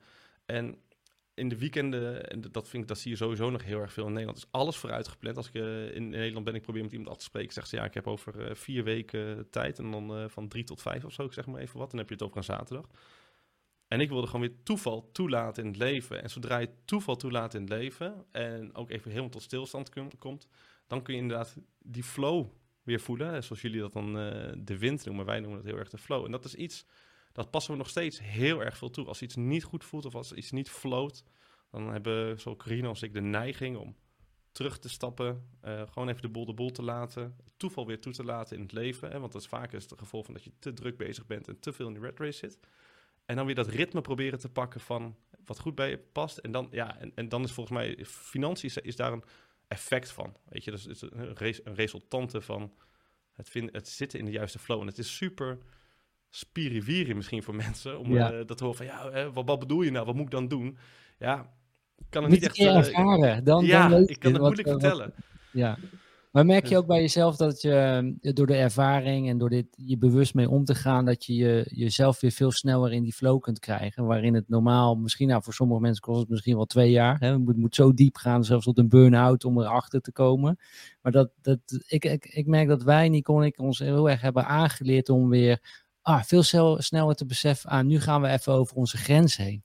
Dat gebeurt nog steeds, weet je. Dat gebeurt, uh, vorige week gebeurde dat ook bij ons. Dat, dat, is nu wat op kleinere schaal. Maar dan merk je aan alles van, ik ben over mijn grens heen gegaan. Uh, maar door dat hardop naar elkaar uit te spreken en te bespreken, wanneer ging ik dan over mijn grens, wat is er dan gebeurd, dan kun je dat ook weer veel sneller resetten, waardoor het weer veel fijner is en waardoor het weer veel sneller gaat stromen. Terwijl het misschien eerst ons een maand had gekost, is het nu maar een halve dag of iets dergelijks, zeg maar. Ja, precies, precies dat. Dat is ook wat ik net probeerde te zeggen met... Is dat ik vorige week dan heel erg druk ben. En dat we dan direct denken van, oh, in ieder geval ik, maar, maar Corine ook van, oké, wacht. We, moeten even snel, sneller die balans terughalen. Dus op het moment dat je weet waar, ja, welk punt je voor jou de balans is, dan kun je, en dat heb je echt ervaren en gevoeld van binnen, dan kun je ook veel sneller zien van, oké, wacht, dit, dit, en het is af en toe niet erg om aan te poten of aan te zetten. Dat moet, weet je. Dat, is, uh, dat, dat, hoort, dat hoort erbij. Daarmee verander je ook eigenlijk wat dat betreft de baseline in jezelf. Maar het is niet normaal als, als je constant zit te pieken en daarin totaal aan jezelf uh, voorbij gaat. En inderdaad, die ervaringen van de afgelopen jaren, die, die helpen in ieder geval ons heel erg. Uh, om het ja, niet, ja, niet, niet uit balans te schieten. Mooi, mooi. We hebben nog zoveel te bespreken, David. En we zitten nog bij het eerste onderwerpje in mijn, uh, in mijn uh, aantekeningen. Maar toch wil ik er toch nog, heel, toch nog heel eventjes op, uh, op doorgaan. Want daar ben ik wel naar, nieuwsgierig naar. Want jij bent samen met... Ehm, ja, Lex vraagt nog wanneer komen de zonnepanelen verhalen. Ja, inderdaad, die gaan ook bespreken. Want David is gewoon een supergoede ondernemer. En het is waanzinnig ook wat hij heeft opgezet en over de zonnepanelen. Dus, um, en, en hoe hij het voor zich ziet, hoe we uh, de energie kunnen gaan tokenizen. Dat is echt een waanzinnig interessant uh, concept. Dus daar gaan we het inderdaad ook over uh, hebben. Maar toch het stukje follow your wind nog. En ja, misschien duurt het wel anderhalf uur of twee uur. Voor mij is het prima. Ik weet niet of jij die tijd hebt. Ik heb tijd. maar goed, dan, dan maken we een mooie sessie van. Maar ehm, dit, dit is wel, als je op de goede ideeën wil komen, is dit wel vaak, ga terug naar de basis, ga veel in de natuur. En opeens krijg je van het universum toch wel ideeën toegeworpen. En die moet je dan zien en oppakken. En dan ja, word je gewoon, uh, ja, kan het toeval weer uh, toegestaan uh, worden. En word je gewoon eigenlijk uh, ja, verrast door, door moeder natuur. En waar ik nieuwsgierig naar was, want ik zat even wat onderzoek te doen, maar ik zag dat jouw vrouw Corine ook iets heel moois heeft uh, gemaakt. En ze heeft dus een boek geschreven, Mijn Mama op uh, Ibiza. Ja. En nou ja, kijk hier even op de, de pagina voor Corine Kerkvliet. Mijn Mama op Ibiza. Nou goed, Nicole is nu natuurlijk, of wij zijn, hè, Nicole en ik zijn zwanger, 7,5 maand. En uh, nou, Nicole zit te luisteren, dus het is geen verrassing meer. Maar ik ga dit boek dus voor haar uh, bestellen. Dus dan weet je het uh, bij deze. Hij komt maar, zo jullie kant op. Ah, nou, ook dankjewel.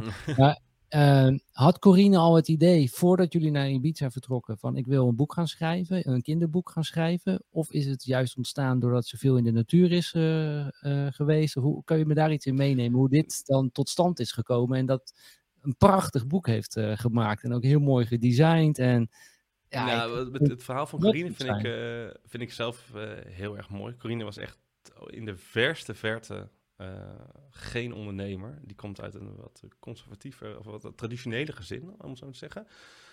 Um, heel erg van het werken, een, bepaalde, een bepaald ritme volgen, waar niks mis mee is. Alleen het staat een beetje haaks op mijn, mijn levensvisie. En ook iets wat niet heel erg goed werkt als je het vrije leven wilt, uh, wilt hebben. En op je dat, dat, dat, dat gaat gewoon niet goed samen. Corinne heeft wel meerdere malen gewerkt, ook als uh, hotelmanager uh, en dat soort zaken hier op Ibiza, maar dat is heel, dat is heel grillig. Maar Corinne heeft, zo, zo een mooie groei meegemaakt. En ook zakelijk, die is een aantal jaar geleden echt, echt een ondernemer. Nou, die, die, die gaat super lekker nu, die is freelance PMO. assistent, die heeft hele leuke klussen, ook voor de semi-overheid. Um, maar die ging in. Wij gaan ieder jaar gaan we een aantal keer, soms één keer, soms meerdere keren, los van elkaar op vakantie. Dus ook, uh, het is ook af en toe heel erg goed om ook in een relatie jezelf weer opnieuw te balancen. Dus uh, nou, ik uh, ging naar Nepal, laatste keer was volgens mij naar Vietnam. en Corine ging naar, naar Bali. Ik ging op een vrouwenretraite en daar achteraan sloot ze nog een aantal dagen. Het is gewoon me-time, helemaal alleen. Geen kinderen, geen, geen, geen man die van alles wil, denkt en doet. Um, en toen heeft ze dat idee gehad voor, uh, voor een boek. Dat is alweer volgens mij, was net voor COVID. Dus uh, wat is dat, twee, tweeënhalf jaar geleden. En dat heeft ze rustig door de tijd heen, uh, heen uitge, uitgewerkt. Want er zit best wel een hoop werk in. En hoe je het vormgeeft, alles doet. Nou, het is, is ongelooflijk hoeveel, tijd en werk erin zit. En dat is recentelijk uitgekomen. En als ik, wat ik het mooiste vind, altijd, dan vind ik echt, dat, daarom ben ik zo gesteld op, op haar en onze relatie, is de groei die, die je ziet in elkaar. Als je gewoon terugkijkt naar uh, hoe we waren toen we weggingen uit, uh, uit, uit, uit Amsterdam, dan uh, vind ik dat, dat, dat ze echt een, een, ja, ja, het was al heel erg mooi, maar heel, het, het echt, echt volgroeid is of zo. Gewoon een, een heel mooi persoon. Uh, ja, ik hou van groei. Ja, ik, het, straks klinkt heel erg raar van, dat is een mooie persoon geworden. Dat wilde ik bijna zeggen. maar dat was natuurlijk daarvoor ook al. Maar ik bedoel, ik vind die groei zo mooi. En dat, dat zie je aan haar.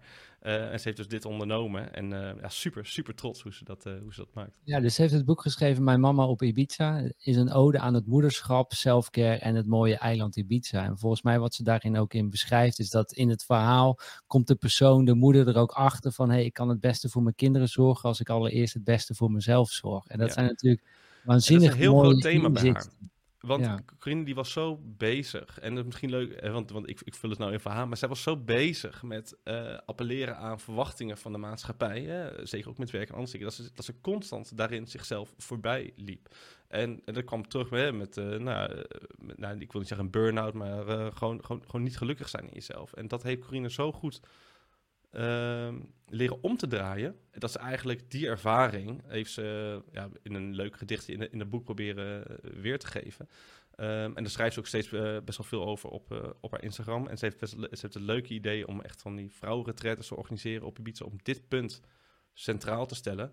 Um, en waar het in dit boek dan om ging, is iemand inderdaad goed voor zichzelf zorgt uiteindelijk ook een hele, een, een, hele goede moeder is, een betere moeder is. Want kinderen die, die triggeren iets in je, die spiegelen, spiegelen je en die, die laten echt, ja, die, die, die leggen eigenlijk de vingers op de zere plekken uh, in jezelf. En als je daar niet, niet mee omgaat, ja, dan, dan kan het af en toe wel tot hele uh, nare reacties leiden. Of een reactie waarvan je denkt van, hé, hey, waarom deed ik dat nou eigenlijk? Waarom reageerde ik nou zo scherp? Maar als je zo goed, als je beter voor jezelf zorgt, dan, ja, dan, dan los je eigenlijk die issues op in jezelf en dan kun je eigenlijk een betere moeder zijn. Daar appelleert het ook aan. Ja, maar wat prachtig dat dit idee dus ons, is ontstaan omdat zij even alleen op reis kon uh, gaan, even los van alle uh, hectiek, uh, invloeden van anderen. En dan opeens komt er zo'n idee. En dat is, dat is denk ik ook wat, wat kijkers bij zichzelf te raden moeten gaan van hey, kan ik in mijn leven, hoe het nu is ingericht, kan ik nog verrast worden door het universum? Ja. En nou ja, daar mag je voor jezelf natuurlijk het antwoord op, op, op geven. Maar David en ik kunnen vanuit de ervaring spreken dat telkens als wij eigenlijk een stukje, een stapje terugnemen, meer in de natuur ons gaan be begeven, komen er allerlei inzichten op ons af. En dat is ook het mooie. Mensen zijn altijd heel erg bezig met, ehm, ik moet productief zijn en heel effectief zijn. Maar een idee wat opeens op je opkomt, kan gewoon een compleet bedrijf zijn, kan compleet je leven veranderen, snap je? Daar kan je niet tegen opwerken. Het heeft geen zin om telkens maar hard en snel te, te, te werken. Terwijl dat ene idee kan alles op zijn kop zetten. En dan ga je opeens de goede richting in en uh, kan veel meer opleveren. Alleen het is zo lastig om daar in deze samenleving uh, tijd voor te creëren. Want ja, wanneer neem je eigenlijk nog tijd voor jezelf? Je hebt altijd, het is ons bijna ons aangeleerd dat we altijd in beweging moeten zijn en dat we altijd bezig moeten zijn. Anders voel je, oh, ik doe iets niet goed. Hè? Dat, dat je voelt je bijna schuldig dat je een siesta hier neemt. Nou ja, hier in Spanje dat niet. Is grappig. Dat, dat, is, dat is heel erg cultuurgebonden ook. Want als je in Nederland vraagt iemand van, hoe gaat het met je? Ja, goed, lekker druk. Als je in Suriname aan iemand vraagt, hoe gaat het met je? Ja, goed, lekker rustig, niet zoveel te doen. Uh, een hele andere, hele andere benadering. Maar in Nederland is ja, lekker druk, lekker bezig. En uh, ja, zit er heel erg in bij ons. Ja. Hoe, hoe ben jij in aanraking gekomen met, uh, met crypto? Ja, dat, dat kwam dus uh, voort uit uh, die tijd dat ik eigenlijk heel veel tijd om handen had. en heel erg aan het, aan het ontdekken was. Letterlijk learn all there is to, to learn. Ik was natuurlijk bezig met oesters. Ik was bezig met van alles en nog wat. Maar ik had ook heel veel tijd. En altijd nou ja, denkend vanuit vrijheid, onafhankelijkheid. En wel heel erg geïnteresseerd in, in investeringen en nieuwe, nieuwe ontwikkelingen. En vanaf jongs aan al heel erg uh, kritisch op het, uh, op het schuldensysteem. Ja, ga je, ga je googlen, ga je dingen doen. En uh, kom je vanzelf in aanraking met crypto. Ik bedoel, als je even destijds, uh, de eerste aanraking was eigenlijk echt 2013, toen we er net woonden. Want toen, toen zat ik daar, ik kan me nog heel goed herinneren. We woonden toen in het huisje tegenover Las Dalias, waar ik het eerder over had in de, in de keuken zat ik daar en ik had gewoon uh, ja, letterlijk, wat ga ik doen? Weet je, echt van dat soort uh, momenten. Je komt uh, best wel laat je nest uit en je zit gewoon een beetje te kijken. Je zit gewoon te surfen. En dat was eigenlijk het eerste. Gewoon door op forums te zitten, door gekke dingen in te tikken in Google. Kom je hiermee in aanraking en dan denk je, hey, best wel grappig. En helemaal niet, ik, ik ga echt niet groot doen van, oh, dit is de, het, het, het wondermiddel en hier gaan we rijk mee worden of wat. Totaal niet. Maar ik heb me wel gerealiseerd in de afgelopen tijd dat, inderdaad, waar we net ook al hadden, door die, door die rust ben ik er in aanraking gekomen. Als ik een baan had gehad, uh, ik zeg even wat in Londen, uh, ja, daar was ik uiteindelijk ook wel in aanraking mee gekomen, maar echt niet in 2013. En ik ging er wat meer mee doen uh, vanaf 2015. Maar dat door die rust stond ik ervoor open. En nou ja, omdat ik eigenlijk al heel erg geïnteresseerd ben hè, in, nou ja, ik, ik noem dat een beetje vrij en onafhankelijk leven. Ja, crypto, de roots, komen heel erg uit die hoek. Zeker de, de early adapters, dat zijn echt wel dwarsdenkers ten opzichte van het huidige monetaire systeem, waar ik mezelf ook wel uh, toe reken. Um, en ja, dat, dat appelleert dan. Je komt in een, je, je komt op fora waarvan mensen zeggen van, hè, die, die hebben een bepaalde visie. Dan denk ik, hey, zo denk ik er ook over. En nou, zo, zo, zo gebeurde dat eigenlijk. Mooi. En, en, wat sprak je dan uh, nog meer aan? Uh, uh, ja, waarin zag je de toekomst voor crypto voor jou? Want uiteindelijk, nu ben je er nog meer mee bezig. Maar had je dat idee in 2013, 2015 ook al? Dacht je dan van, hey, crypto blockchain kan wel eens de wereld gaan veranderen? Het kan wel eens weer eens de macht bij de burgers brengen? Had je dat nou, dan meteen door? Dat, nee, nee, eerlijk gezegd niet. Maar wat ik wel vond, ik vond het mooi. Gewoon vanuit ehm, ja, een, soort van, uh, dat komt weer het analytische, vanuit een soort van uh, risicoperspectief. Ik vond het mooi dat we voor het eerst een alternatief hadden op het normale geld. Dus voorheen hadden we dat nog nooit. Je had nooit een alternatief ten opzichte van fiat. Hè? Je had of een dollar of een euro of een uh, pond of weet ik veel wat. En ineens had je iets anders wat, wat buiten het gecontroleerde systeem stond. En dat, dat sprak me heel erg aan. En dan was het echt nog niet van over hoe nou de blockchain werkte of hè, layers of trust. En, uh, nou ja, en toen destijds werd er al wel wat, wat, wat... Ik kan me nog heel goed herinneren dat ik was... Vanaf 2008 ben ik heel erg bearish geworden op het hele systeem. Omdat ik, ik volgde het altijd heel erg, die markten.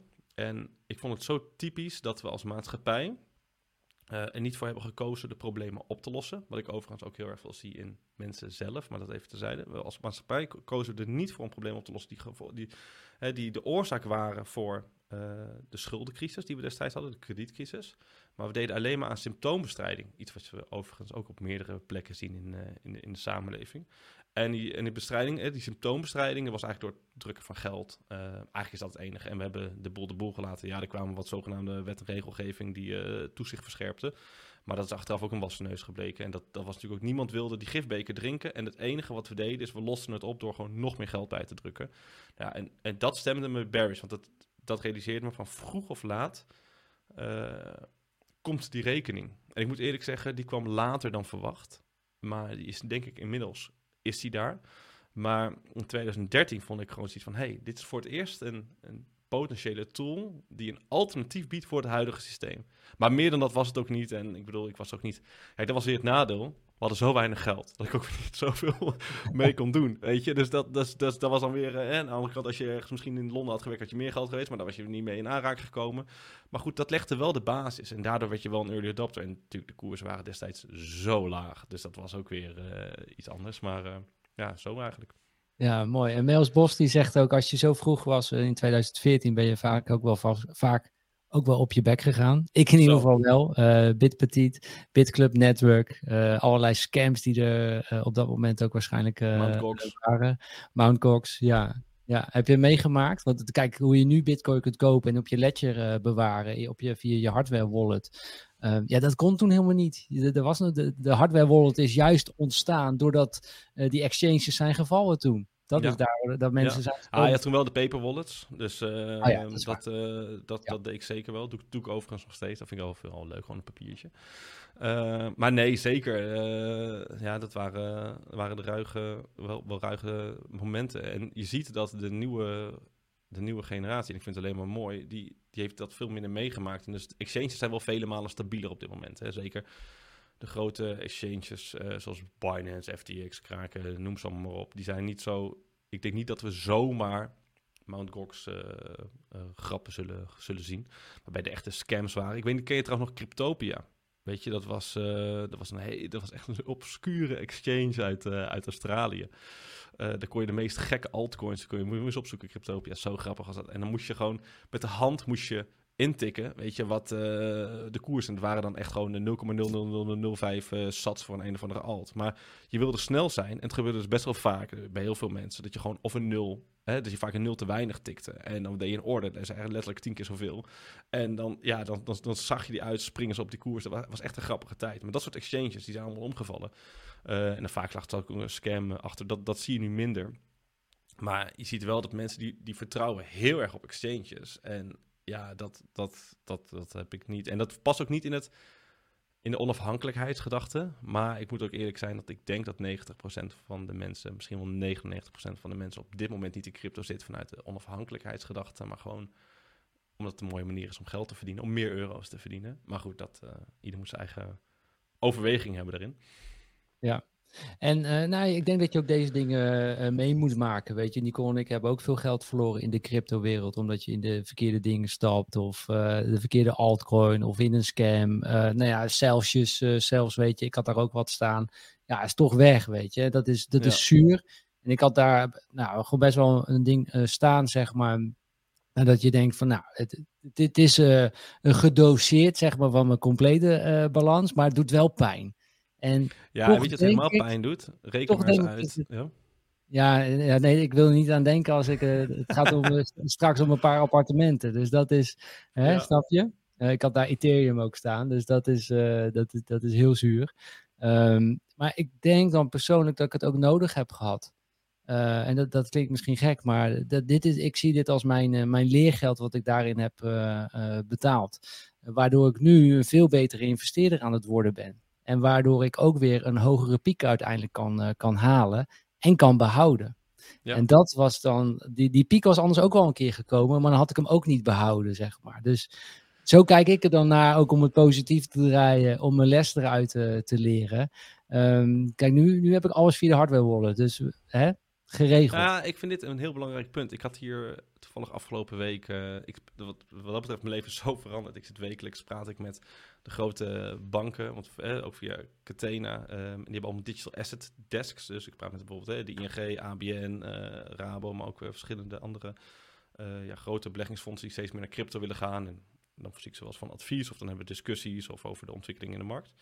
Um, en er zitten ook wel eens advocaten aan tafel. En ik ben heel erg van mening dat ik ben tegen regulering. Ik vind de, de, de markt van crypto vind ik mooi, onder andere omdat die zo zuiver is. Uh, het is uh, en, die scams, die horen er eigenlijk ook bij. Want ik kom erachter dat mensen die een tijdje in deze arena zitten, die leren meer over de financiële, in de korte tijd meer in de financiële markten, over de financiële markten dan sommige mensen 20 jaar aan aandelen. Omdat met aandelen wordt alles, wordt, eh, mensen worden constant begroet en beschermd voor eigenlijk fouten die ze zelf maken. Als, als de beurs wegglijdt, wordt direct de handel gestopt. Als, uh, weet je, bijvoorbeeld destijds bij, uh, wat hadden we nou met dat game, GameStop en dat soort zaken, weet je, dan, daar werd het ook, werd het geannuleerd, hè? kon je niet eens meer handelen bij, bij Robinhood. Dus doordat mensen zo erg worden beschermd. Ten eerste kun je al niet meer praten van een vrije markt. Hè? Als alles wordt, constant wordt beschermd, uh, wel, over welke vrije markt hebben we het überhaupt? Uh, maar tegelijkertijd ontneem je ook de kans uh, van mensen om zelf te leren. En ik begrijp donders goed dat daar een andere kant aan zit. Het moet niet zo zijn dat mensen ja, er te hard door worden geraakt. Maar aan de andere kant, als je zo roekeloos bent geweest door zoveel in te zetten wat je niet kan verliezen, dan moet je bij jezelf heel erg te raden gaan welke onrust in jezelf ervoor heeft gekozen zoveel uh, risico te maken. Dus ik, ik, ik hou er gewoon van dat, het, dat de markten wat dat betreft heel erg zuiver en eerlijk zijn. En ja, dan zie je, of nou eerlijk, ja, het is, eigenlijk zijn ze heel erg eerlijk. Want je weet gewoon dat als iets werkt, dan weet je gewoon dat er scammers om de hoek komen. En ja, dat, dat, dat, is, dat is gewoon een gegeven. En ik hoorde ook zo vaak, jaren geleden hoorde ik dat al. 2017 was uh, net bij die boom, of bij die, uh, ja, bij die boommarkt 2017 zag je weer heel veel mensen bijkomen en zeggen: ja, maar deze markt wordt gemanipuleerd door uh, Bills en dan kun je niks mee. Ja, dan weet je dat toch? Dat is dan gewoon toch een, een dynamiek en karakteristiek van de markt. Ja. En, en ga er dan ook mee om, weet je? Dus, dus, dus ga niet trade op de 5 minuten grafiek of de 15 minuten grafiek met een, met een, met een stoploss uh, net ronde. Nee, ik ga kijken naar de maandelijkse grafiek. Pak die, pak die grote trends. Ik bedoel, het is gewoon een, karakteristiek van de markt. En het is dan zo typisch, vind ik, als je dan vaak mensen die dan uit de aandelenmarkt komen, die zeggen, ja, reguleren, we moeten dat uh, strak trekken, want uh, anders is het niet eerlijk. Nou ja, ja ik, ik vind het juist mooi. Ja, nee, ik ben, ik ben het helemaal met je, met je eens. En het, weet je, het leerde mij ook iets over hebzucht. Hè? Ik was natuurlijk ja. hebzuchtig dat ik zoveel rente wilde hebben. In plaats van al gewoon tevreden te zijn met die Ethereum gewoon in je hardware wallet te, te bewaren. Dus, um, maar ja, de vraag is natuurlijk of iedereen er zo mee om kan gaan. Want dat is natuurlijk ook al dat wat we niet leren in de, in de samenleving. Het is altijd de schuld van de ander. Maar we leren nooit om eens zelf naar binnen te kijken. En wat heb ik zelf gedaan? En wat was het in mij wat mij bracht om het toch op dat platform neer te zetten? En daarvan te leren. En dat is misschien ook gewoon wat wereldwijd, uh, wat ze misschien indirect wel willen ontnemen door middel van regulatie. En misschien is dat ook wel een agenda, ik weet het niet. Maar het zou wel heel kunnen. Want mensen zo pamperen en zo afhankelijk daarin dus ook meteen maken van grote instanties. Ja, dat ze er ook daar niet meer uit kunnen natuurlijk. Hè? Dus dat is. En ja, als je mensen zo pampert, dan, dan zijn ze ook heel goed te kneden en in een bepaalde richting te sturen. Dat zien we natuurlijk ook met uh, de, de, de, de stimulus, de, de checks die ze uitdelen, het gratis geld die ze uitdelen. Van ja, oké, als ik het fout gaat, komt de overheid wel, die lost het wel weer voor mij op. Maar het is nooit zelf verantwoordelijkheid nemen. Wordt ons helemaal afgeleerd dat dat bepaalt uh, leiderschap gewoon. En ja, dat, uh, ja. dat ja, gaat voor mij. Ik moet zeggen, er zit altijd wel. Zeker nu zit je bijvoorbeeld in een hele moeilijke, uh, hele moeilijke situatie. Waarbij mensen echt met de. Wat ik heel, waar ik altijd heel erg gevoelig voor ben, is mensen die echt, echt in problemen zitten. En er letterlijk niet niet, ja, niet weten hoe dat, hoe dat zo is gekomen. Weet je, sommige mensen weten ook gewoon, Absoluut. ook gewoon niet beter. En uh, op dat vlak kan ik heel, uh, heel socialistisch uh, zijn. Ja, maar je wil ook de zwakkeren beschermen daarin, die, ja. die dat bewustzijn niet hebben en die te goed gelovig zijn. Maar ja, anderzijds is het ook, um, ze zullen het ook nooit leren. Als je het altijd maar weer voor bent. En dat is denk ik, David, waar ik uh, moeite mee heb, is dat uh, ik denk dat de, nou, de westerse samenleving veel te individualistisch is uh, geworden. Je kent je buurman niet meer. En daardoor, um, doordat iedereen zo op zichzelf is, kijk je ook niet meer naar elkaar om. En eigenlijk denk ik dat het veel lokaler uh, zou moeten zijn dat je elkaar corrigeert. Weet je, dat je met je buurman gaat praten over, hey, wat zou ik doen met crypto? En dat je met de gemeenschap, de lokale gemeenschap gaat praten daarover, discussies over gaat hebben. En dat je dat gaat, uh, dan daar, daar gaat handelen en van gaat leren. Dan, Maar nu wordt ons dat ontnomen. Dat, want we, ja, we leven heel, heel erg op onszelf. We kunnen heel anoniem zaken op internet doen. Hè? Eigenlijk stiekem Ja. kun je even wat crypto kopen natuurlijk. Ehm, dus heel dat sociale, ehm, ja, dat je elkaar verbetert, dat is uit onze samenleving eh, eh, gehaald. Ehm, en daardoor word je afhankelijk paar, van een paar centrale partij- partijen, die ook nog eens ons geld, eh, de euro en de dollars in beheer hebben. En het eigenlijk gewoon enorm verkloten door het bij te printen. Zeker nu, hè. Eh, ik bedoel, we hebben heel veel inflatie. Zag de Bank of England de afgelopen dagen. Die Ja, geld- in de markt. En tegelijkertijd uh, worden natuurlijk de belastingen verlaagd. Dus dat is dan weer uh, expa expansioneel beleid. Maar ja, je zit nu gewoon in een... En dat vind ik wel spannend. Ik denk dat uh, deze komende weken heel erg bepalend zullen worden voor de financiële markten.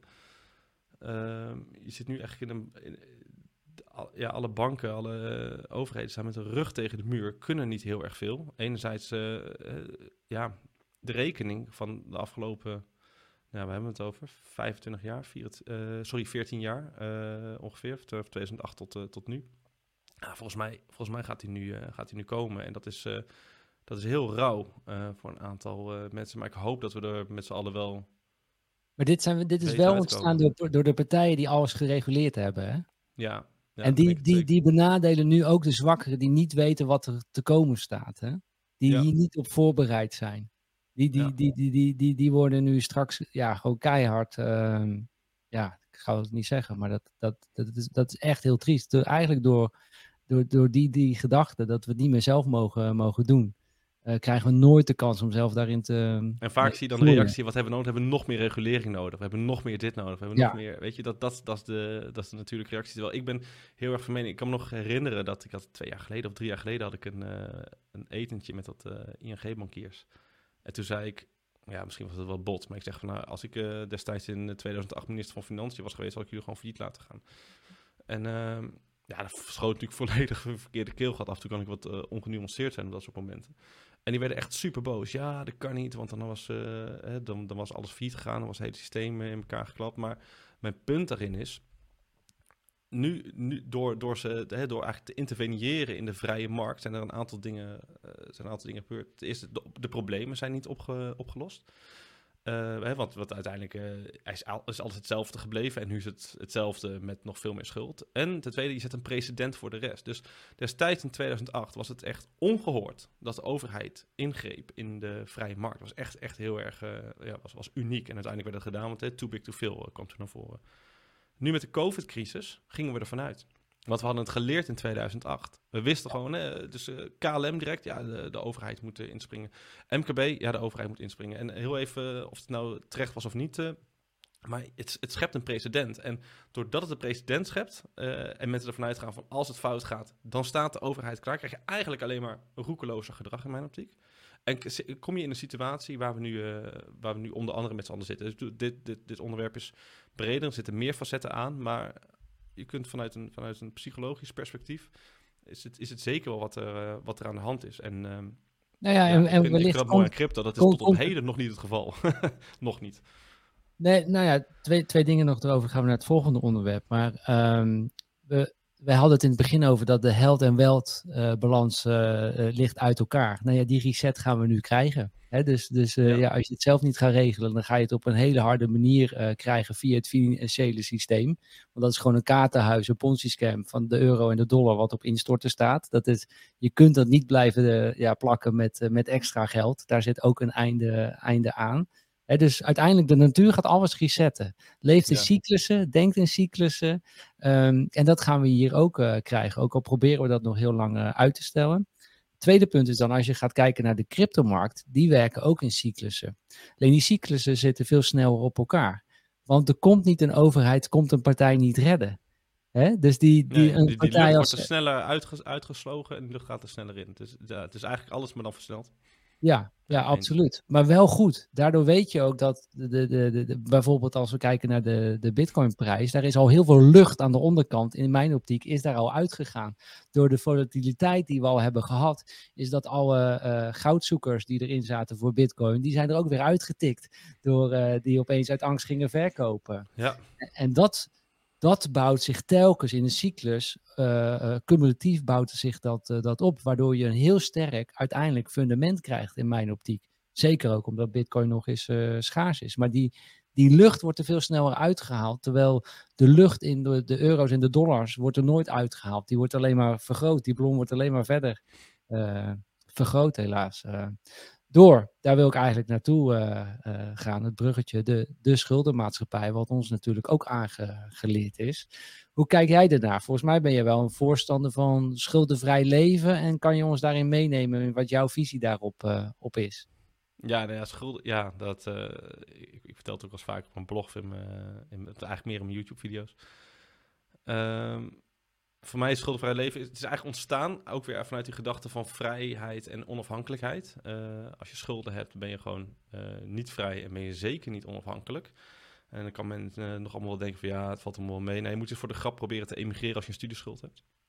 En dan staat de overheid direct bij, bij je aan op de stoep, zeg maar, om nog even de rekening te vereffenen. En eigenlijk is een schuld dus natuurlijk een claim op je toekomstige cashflow. En ja, dat, dat, dat brengt verplichtingen met zich mee.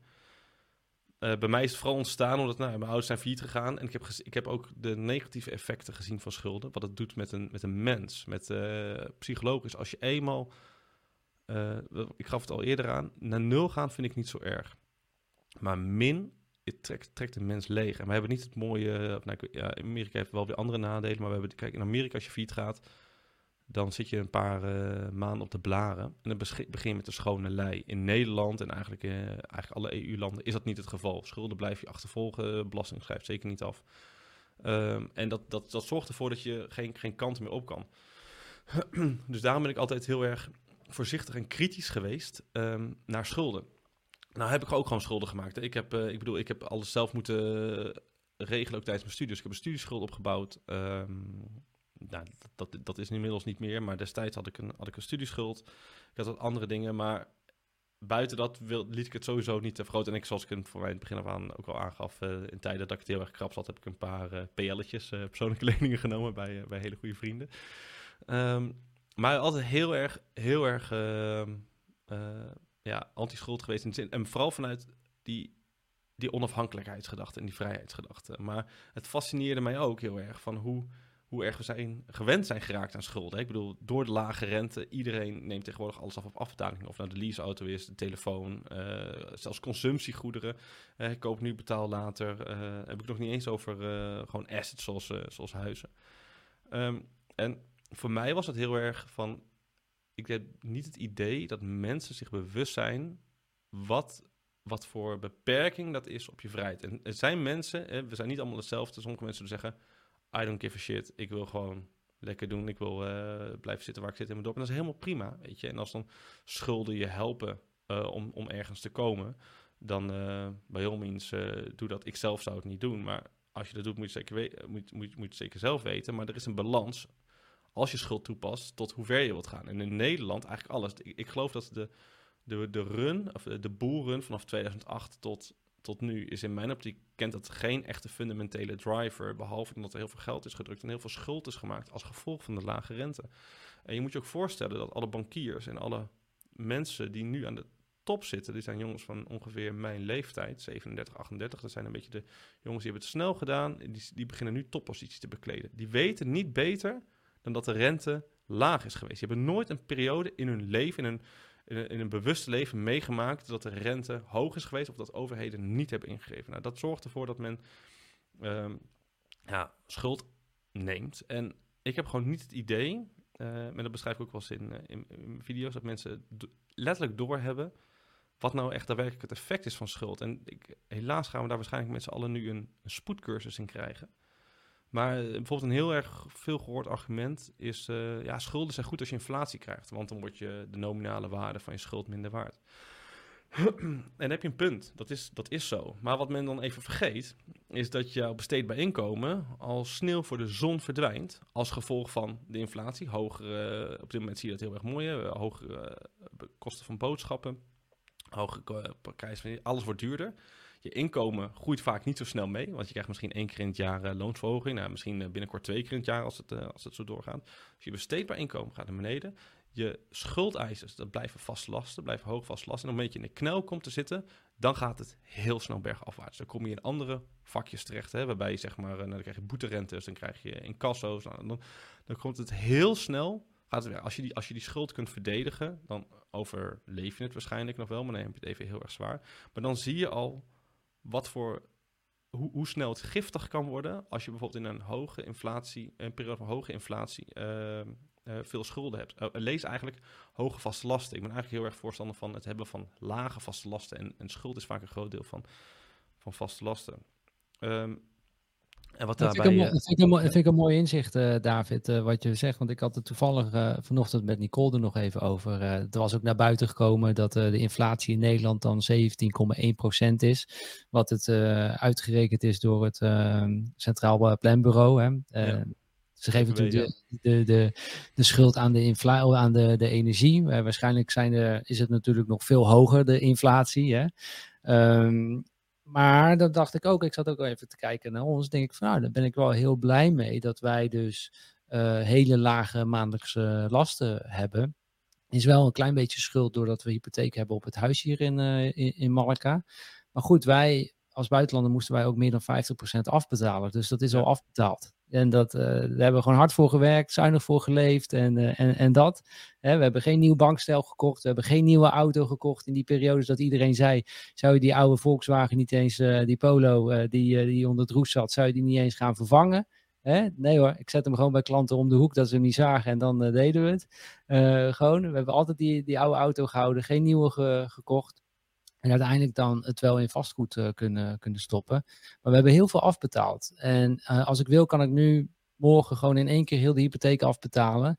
Daar kies ik nu niet voor, want ik zit in crypto gepositioneerd. En ik denk ja. dat daar een veel groter rendement be, uh, te halen bevalt voor ons in de komende vijf jaar. Hè, dus, want ja, ik ga geen rendement behalen als ik mijn hypotheek ga afbetalen. En ik weet dat ik hem wel iedere maand sowieso via werken kan, kan, kan betalen. Dus ik hou het nu gewoon in crypto, maar ik weet ook dat ik het in één keer uit crypto kan halen.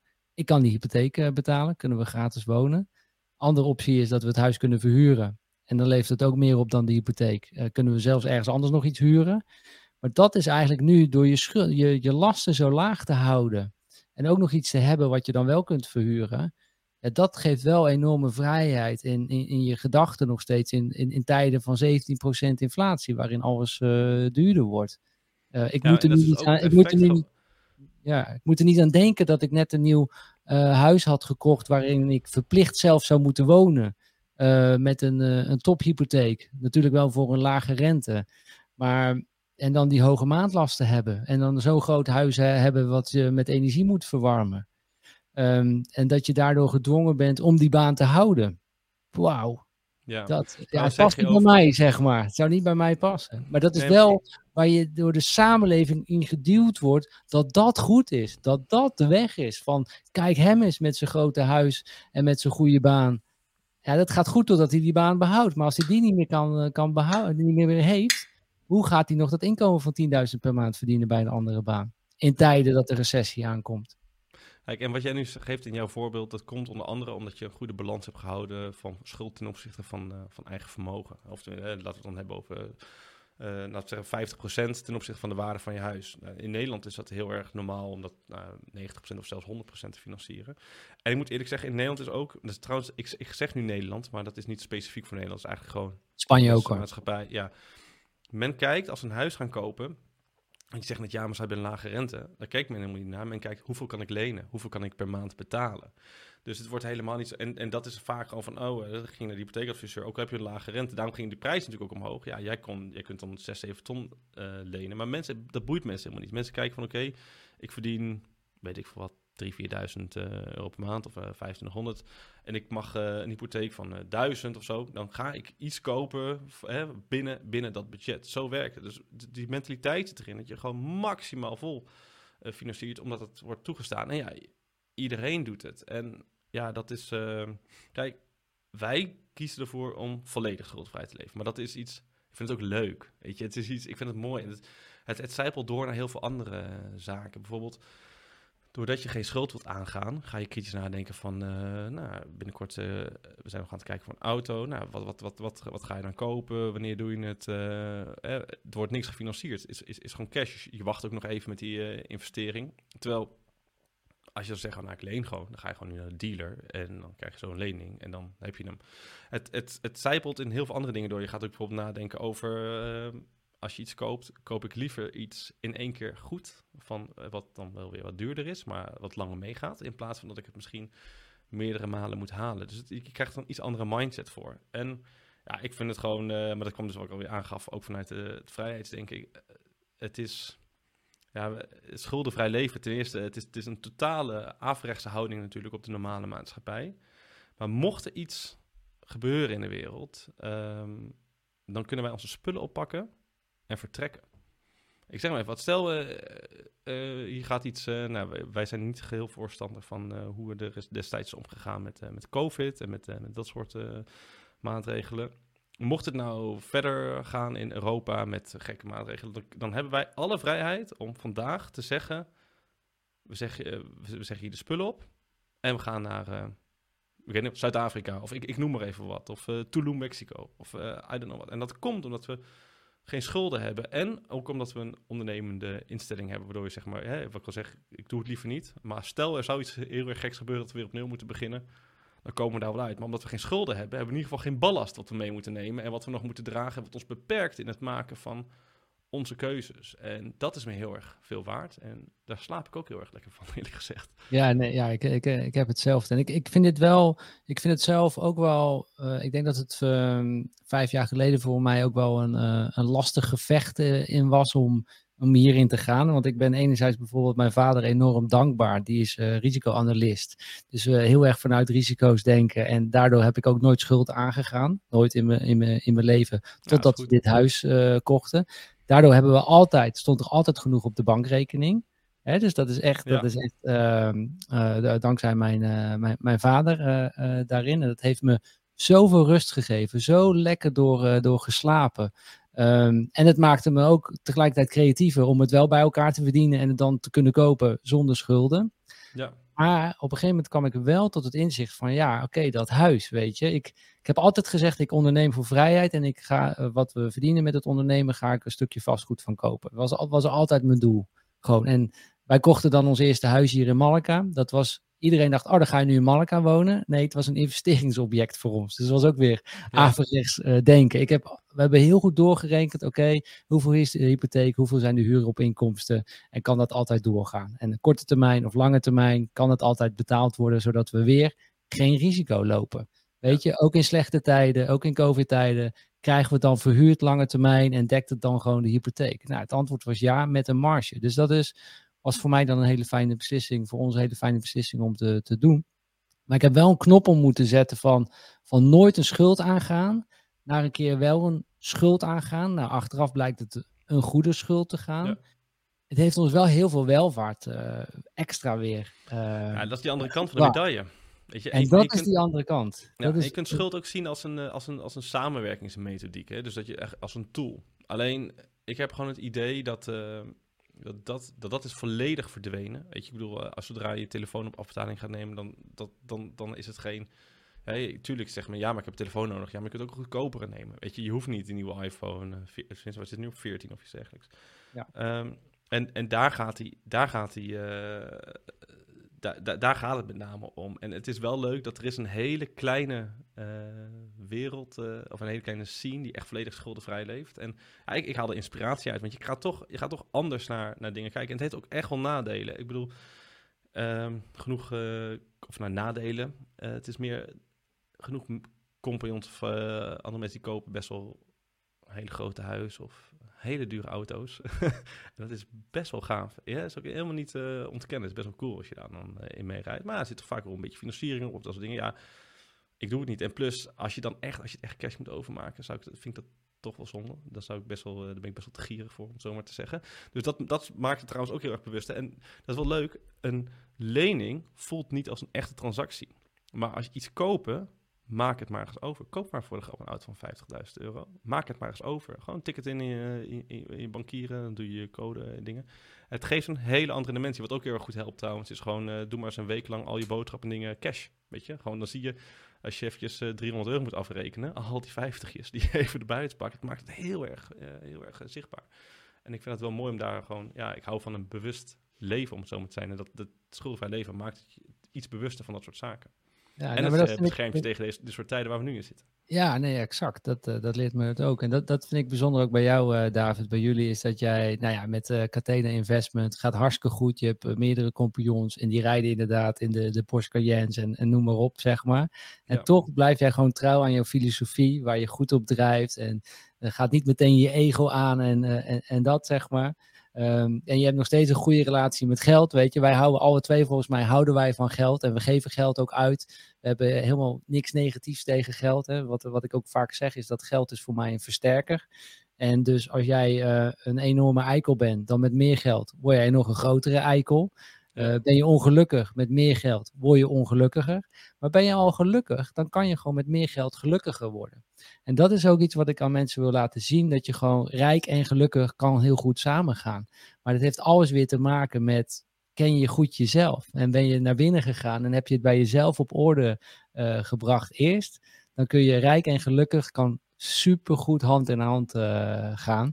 En dat bouwt zich dan vanzelf ook op en dat blijft dan ook bij je. En dan kun je heel veel terug ook doen voor de, uh, voor de wereld. En dat, dat kan je ook al doen zonder geld, snap je? Dus dat is, het gaat daarom ja, juist dat om. is het belangrijke. Dat is het. Ik had het er van tevoren, of mensen denken altijd, uh, zeker in, in ons geval nu, uh, omdat ik ben pas een jaar iets meer naar buiten getreden op YouTube. Uh, we zeggen, ah ja, met geld lukt het je allemaal naar Ibiza en, en noem maar op. Of het, het vrije leven wat je hebt. Maar dat is dus achteraf heel erg ongecorreleerd geweest. Weet je, het is gewoon ja, je, ment, je, je, je, instelling en je, en je houding ten opzichte van het leven. Alleen als je eens echt schulden hebt, dan is dat echt een beperkende factor. Stel, we hadden echt heel veel schuld. Kijk, die, die ja. studieschuld was, uh, is heel erg geduldig, weet je. Dus dat, wat dat betreft was dat nog wel een, een, fijne schuld. Maar dus die heeft ons nooit in de weg gezeten.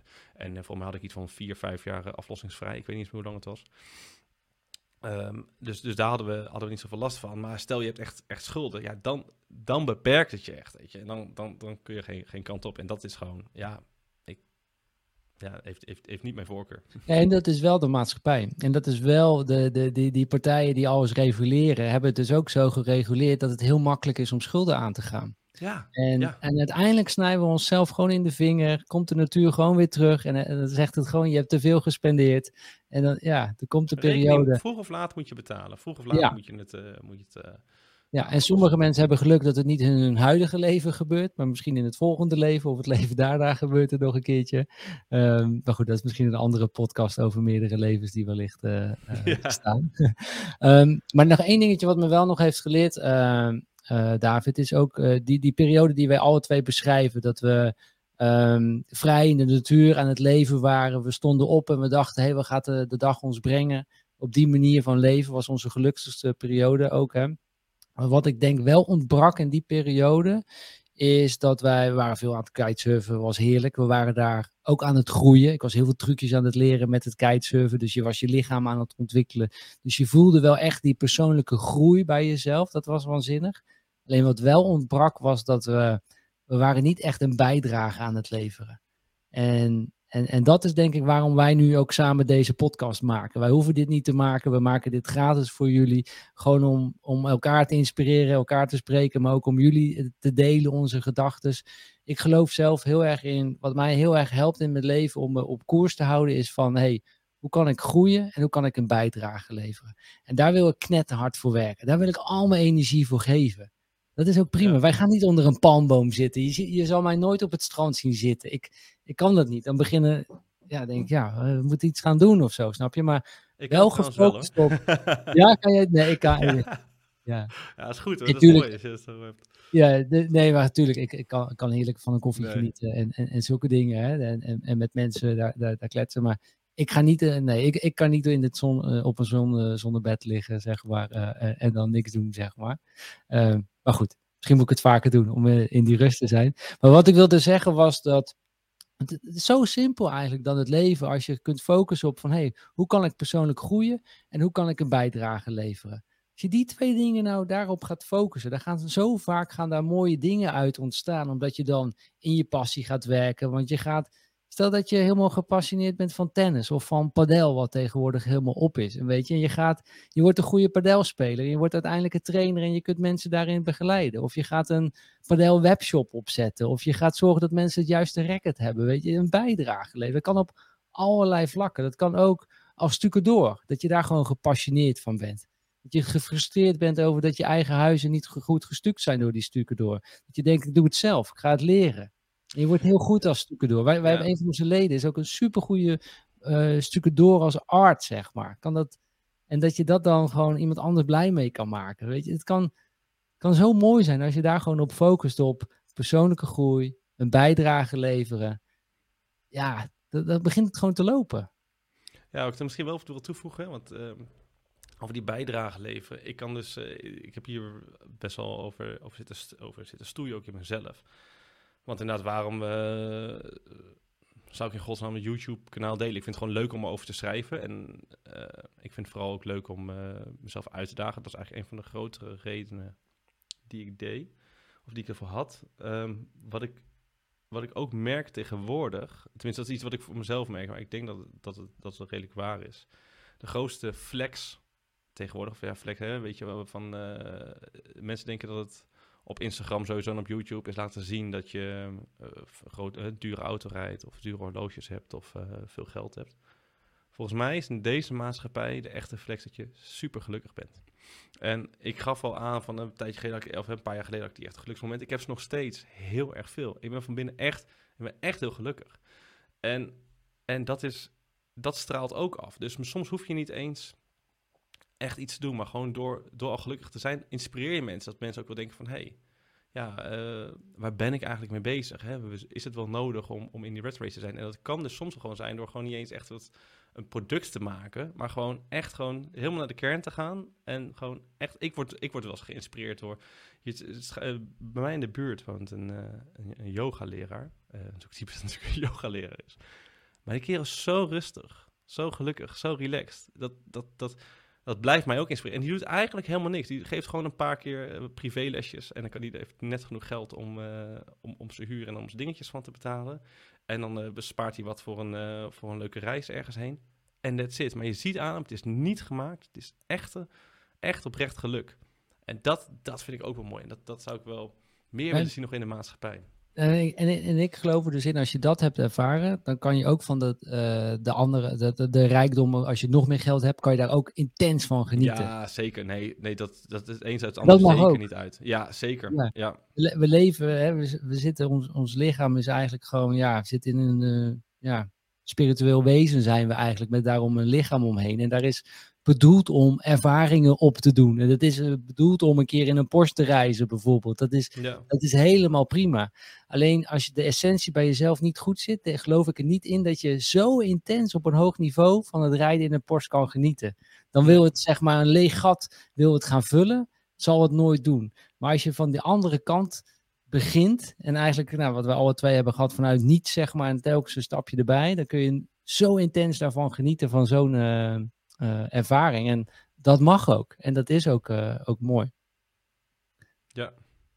Um, ik wilde nog één dingetje laten zien en dan gaan we ook nog naar de, de, de zonnepanelen en de, um, het tokenizen van bijvoorbeeld energie, David. Um, want ik had het toevallig gezegd dat we nog heel even zouden gaan kijken naar uh, de cashflow van nou, uh, bij, bij, bij, bij, bij arme mensen onder ons heen, maar ook de middelklasse oh, ja. en, um, en de rijken. Dat is toch interessant om even naar te kijken, gewoon technisch naar te kijken. Hoe, hoe zit dat dan? Ik weet niet of jij hem uh, uh, kent. Maar dit is van uh, Rich Dad Poor Robert Kiyosaki.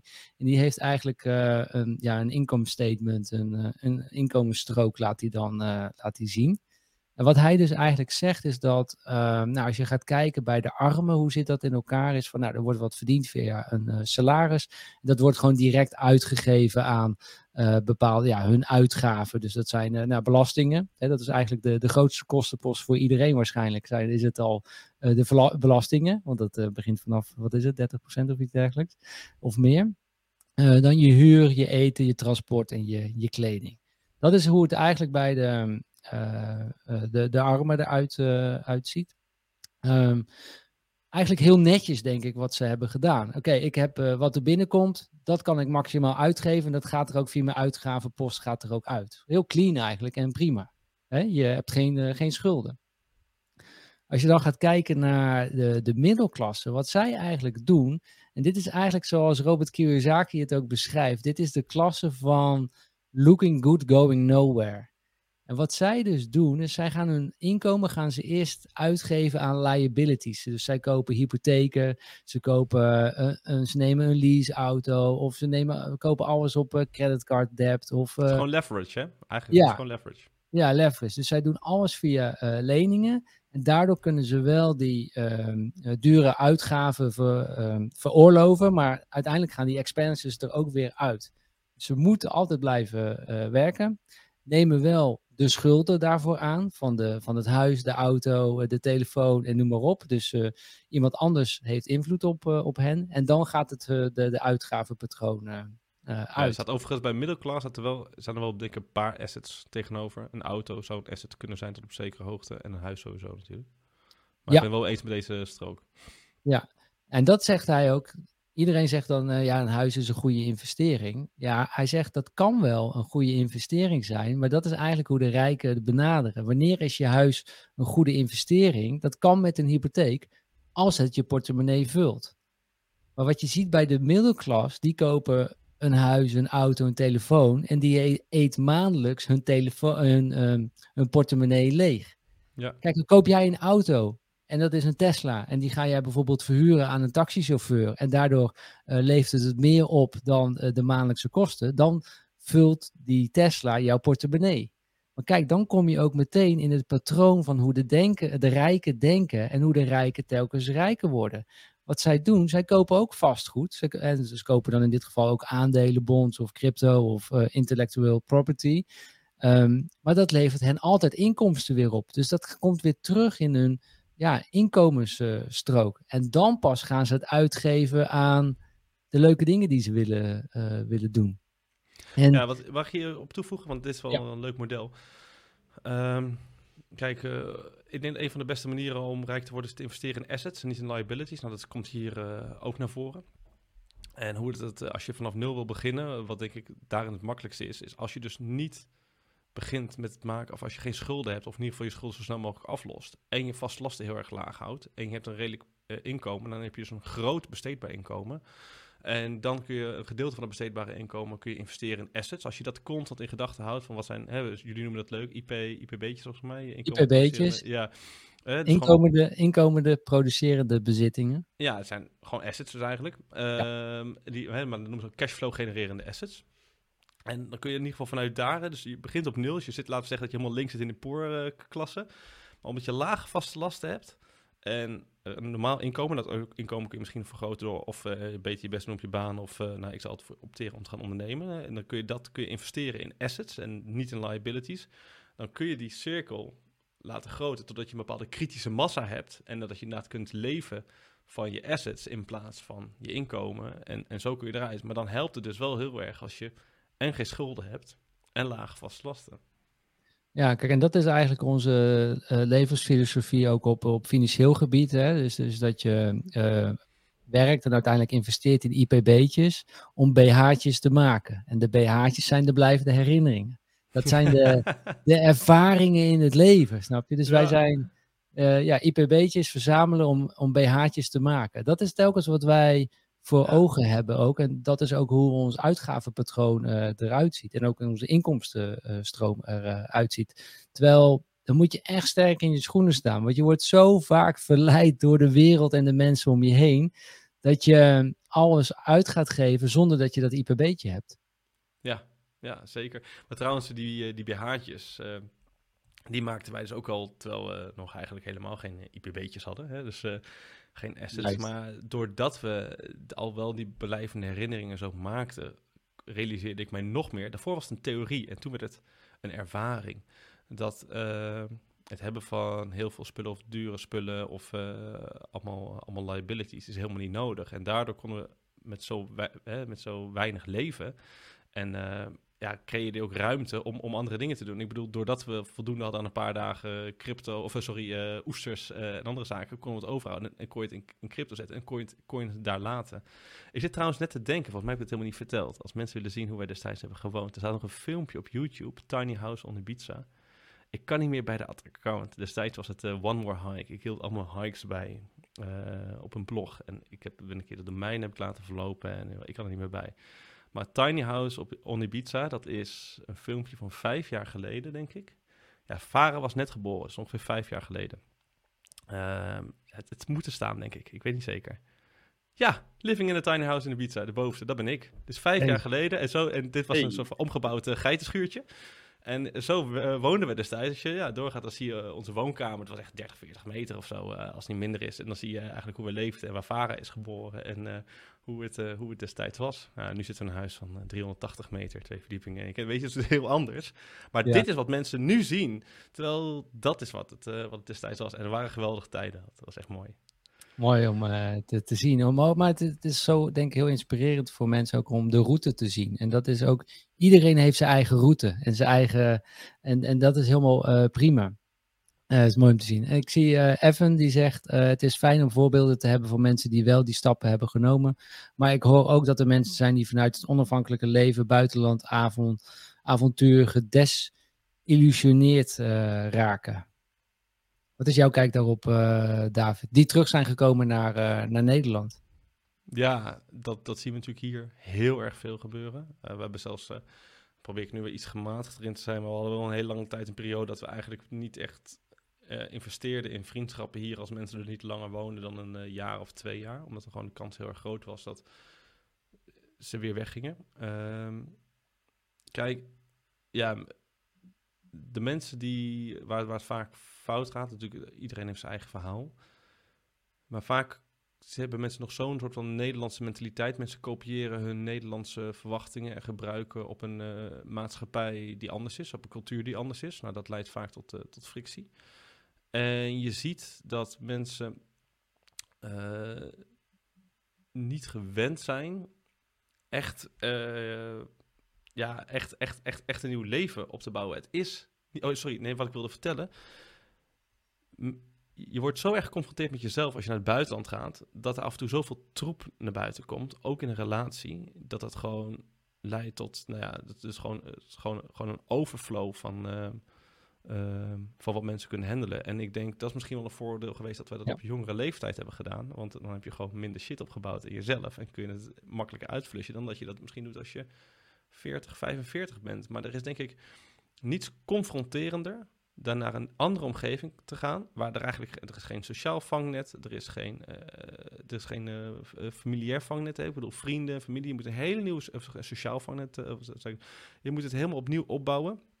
Dat is zo confronterend voor mensen. En ja, ik kan me voorstellen dat er heel veel mensen zijn die gedesillusioneerd terugkomen in Nederland. Maar wat ik wel vaak heb gezien is, ik, ik, heb nog nooit gehoord dat mensen dan zeggen van, ook al zijn ze teruggekomen naar Nederland, dat ze het niet een waardevolle ervaring vonden. Het heeft echt wel iets aangeraakt. Ook in die mensen die terug zijn gegaan. Ik ken best wel wat mensen die zijn weer vanuit Ibiza uh, of andere plekken teruggegaan naar Nederland. Daar heb ik zo nu dan nog eens contact mee. En je hoort eigenlijk vaak wel van, nou ik vind het nu fijn in Nederland, dit past beter bij me.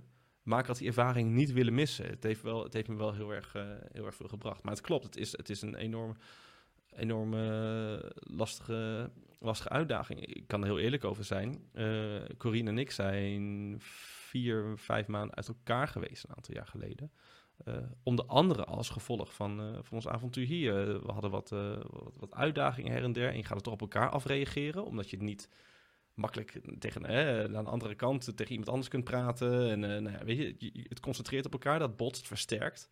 En uiteindelijk leidt dat in een korte periode tot een break-up. Alleen vervolgens heeft het ons weer veel sterker gemaakt. Want zodra we uit elkaar gingen, dachten wat de fuck zijn we aan het doen? hey, dit klopt helemaal niet. Dit is niet wie we zijn. En daardoor kon het weer helemaal aankijken. En dan kwamen we gewoon weer, weer, weer, bij elkaar. Maar het laat wel zien hoe uitdagend het kan zijn als je nou, in Nederland hè, ga je naar je werk van maandag tot en met uh, vrijdag hier werk, werk je vaak thuis, heel veel tijd met elkaar, een nieuwe omgeving, af en toe. Nou, ja, dat, dat, dat is heel uitdagend. Maar dan nog, ik ben echt van overtuigd dat uh, welke filosoof zei het nou van ik wens al mijn vrienden enorm veel tegenspoed, want in tegenspoed uh, ontdek je jezelf. Dat, dat is een bepaalde filosoof die het heeft gezegd, maar zijn naam kwijt.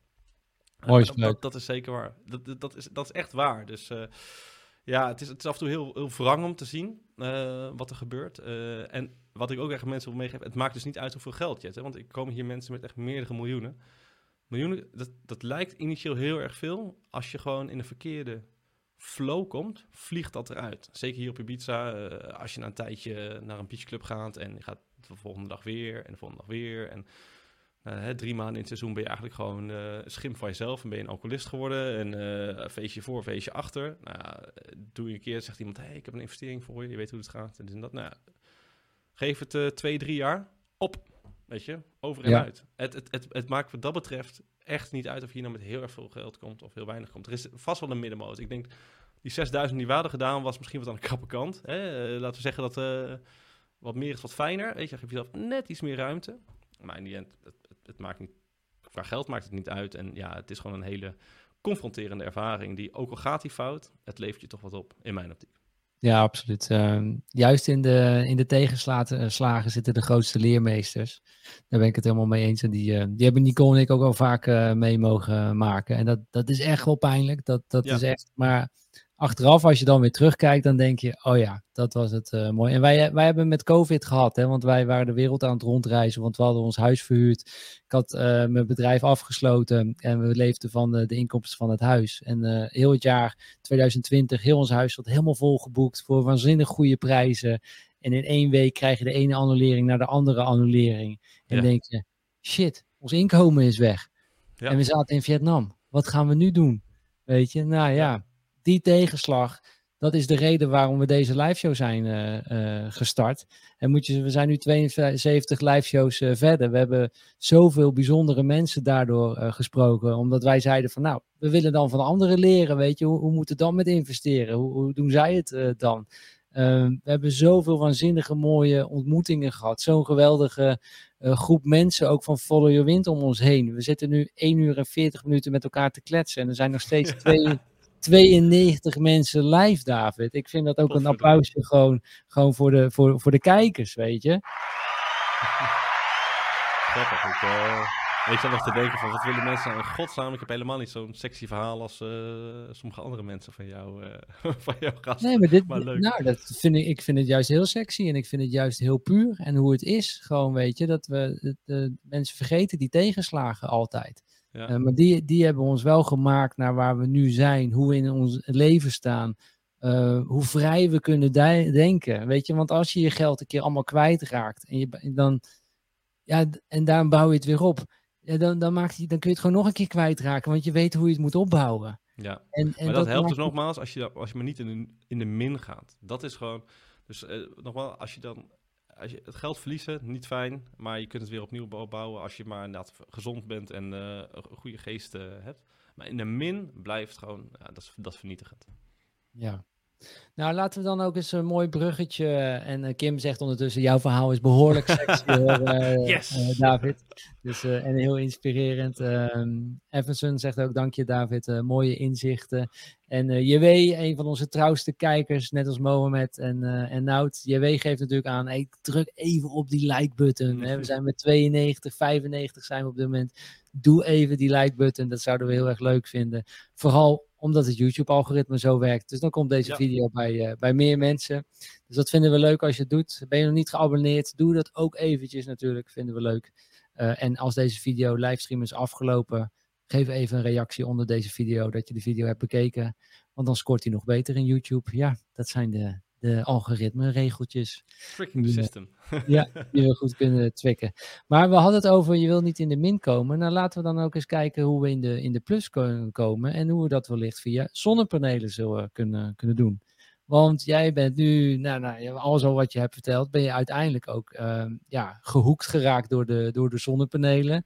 Um, kan je vertellen hoe dat is gegaan en dat je ook, uh, ja, waar, waar, je, waar je nu mee bezig bent en wat, um, hoe je het voor je ziet om uiteindelijk ook de energie te tokenizen en dat we onszelf ook kunnen beschermen tegenover de grote energiemaatschappijen. En dat we uiteindelijk daar ook minder afhankelijk van gaan, uh, gaan zijn. Uh, want dat is misschien wel iets wat we via jou kunnen, kunnen bereiken. Ja, dat is wel leuk. Ik ben destijds in het, nou, toen best wel off-grid leefde en, onafhankelijk, kwam ik al hè, tot het idee van, nou, je wilt energie, je hebt echt een paar basisbehoeften. Je wilt zo laag mogelijk vast last hebben, je wilt uh, je energievoorziening, want dat heb je gewoon nodig. En uh, water uit de put, dan ben je eigenlijk al best wel zelf, uh, zelfvoorzienend.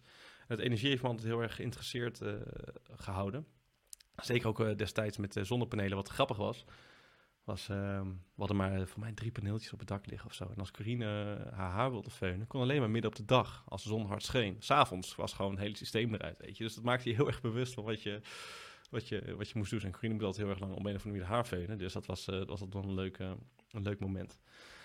Um, maar ik had in die paar maanden dat ik dus heb gewerkt, was destijds bij Sanders, de Structured Finance. En dat was heel erg gericht op, uh, op, op energie-assets. Dus, uh, en energie heeft een bepaald, zeker duurzame energie, heeft een interessante karakteristiek. Dat zijn namelijk cashflow genererende assets. Eigenlijk zoals vastgoed. Het lijkt heel erg op vastgoed, alleen het is nog stabieler. En je tegenpartij is vaak de overheid die het, die het koopt. Of een, of een andere groot bedrijf via een PPA, een Power Purchase Agreement.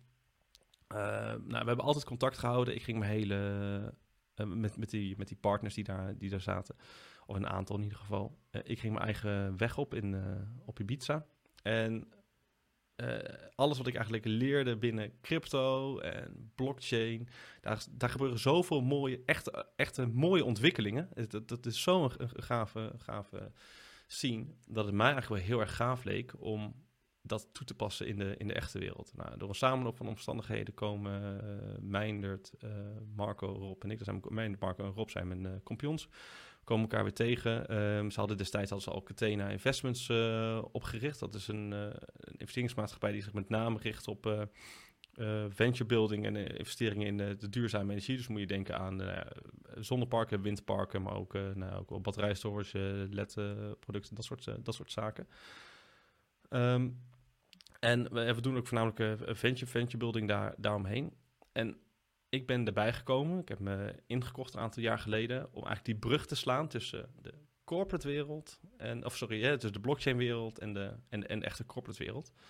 En dat hebben we eigenlijk allereerst gedaan door zeg maar, onze portefeuille te financieren door middel, van, een tokenized green bond. Dus we hebben een green bond uitgegeven op een van onze assets, was een uh, windmolen in, uh, in, in Schotland.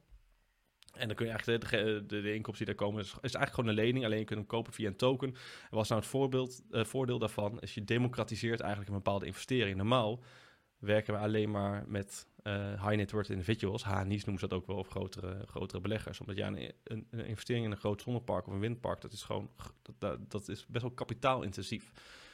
Um, en daardoor is het, terwijl het is, het is een hele mooie investering, want vervolgens heb je een hele stabiele cashflow. Je kunt namelijk bij een wind park of bij een zonneveld kun je exact berekenen, door middel van modellering, hoeveel zonneuren je gemiddeld per jaar hebt. Ik zeg maar even wat 1300 uh, vollasturen. Nou, je hebt een uh, park van een uh, megawatt.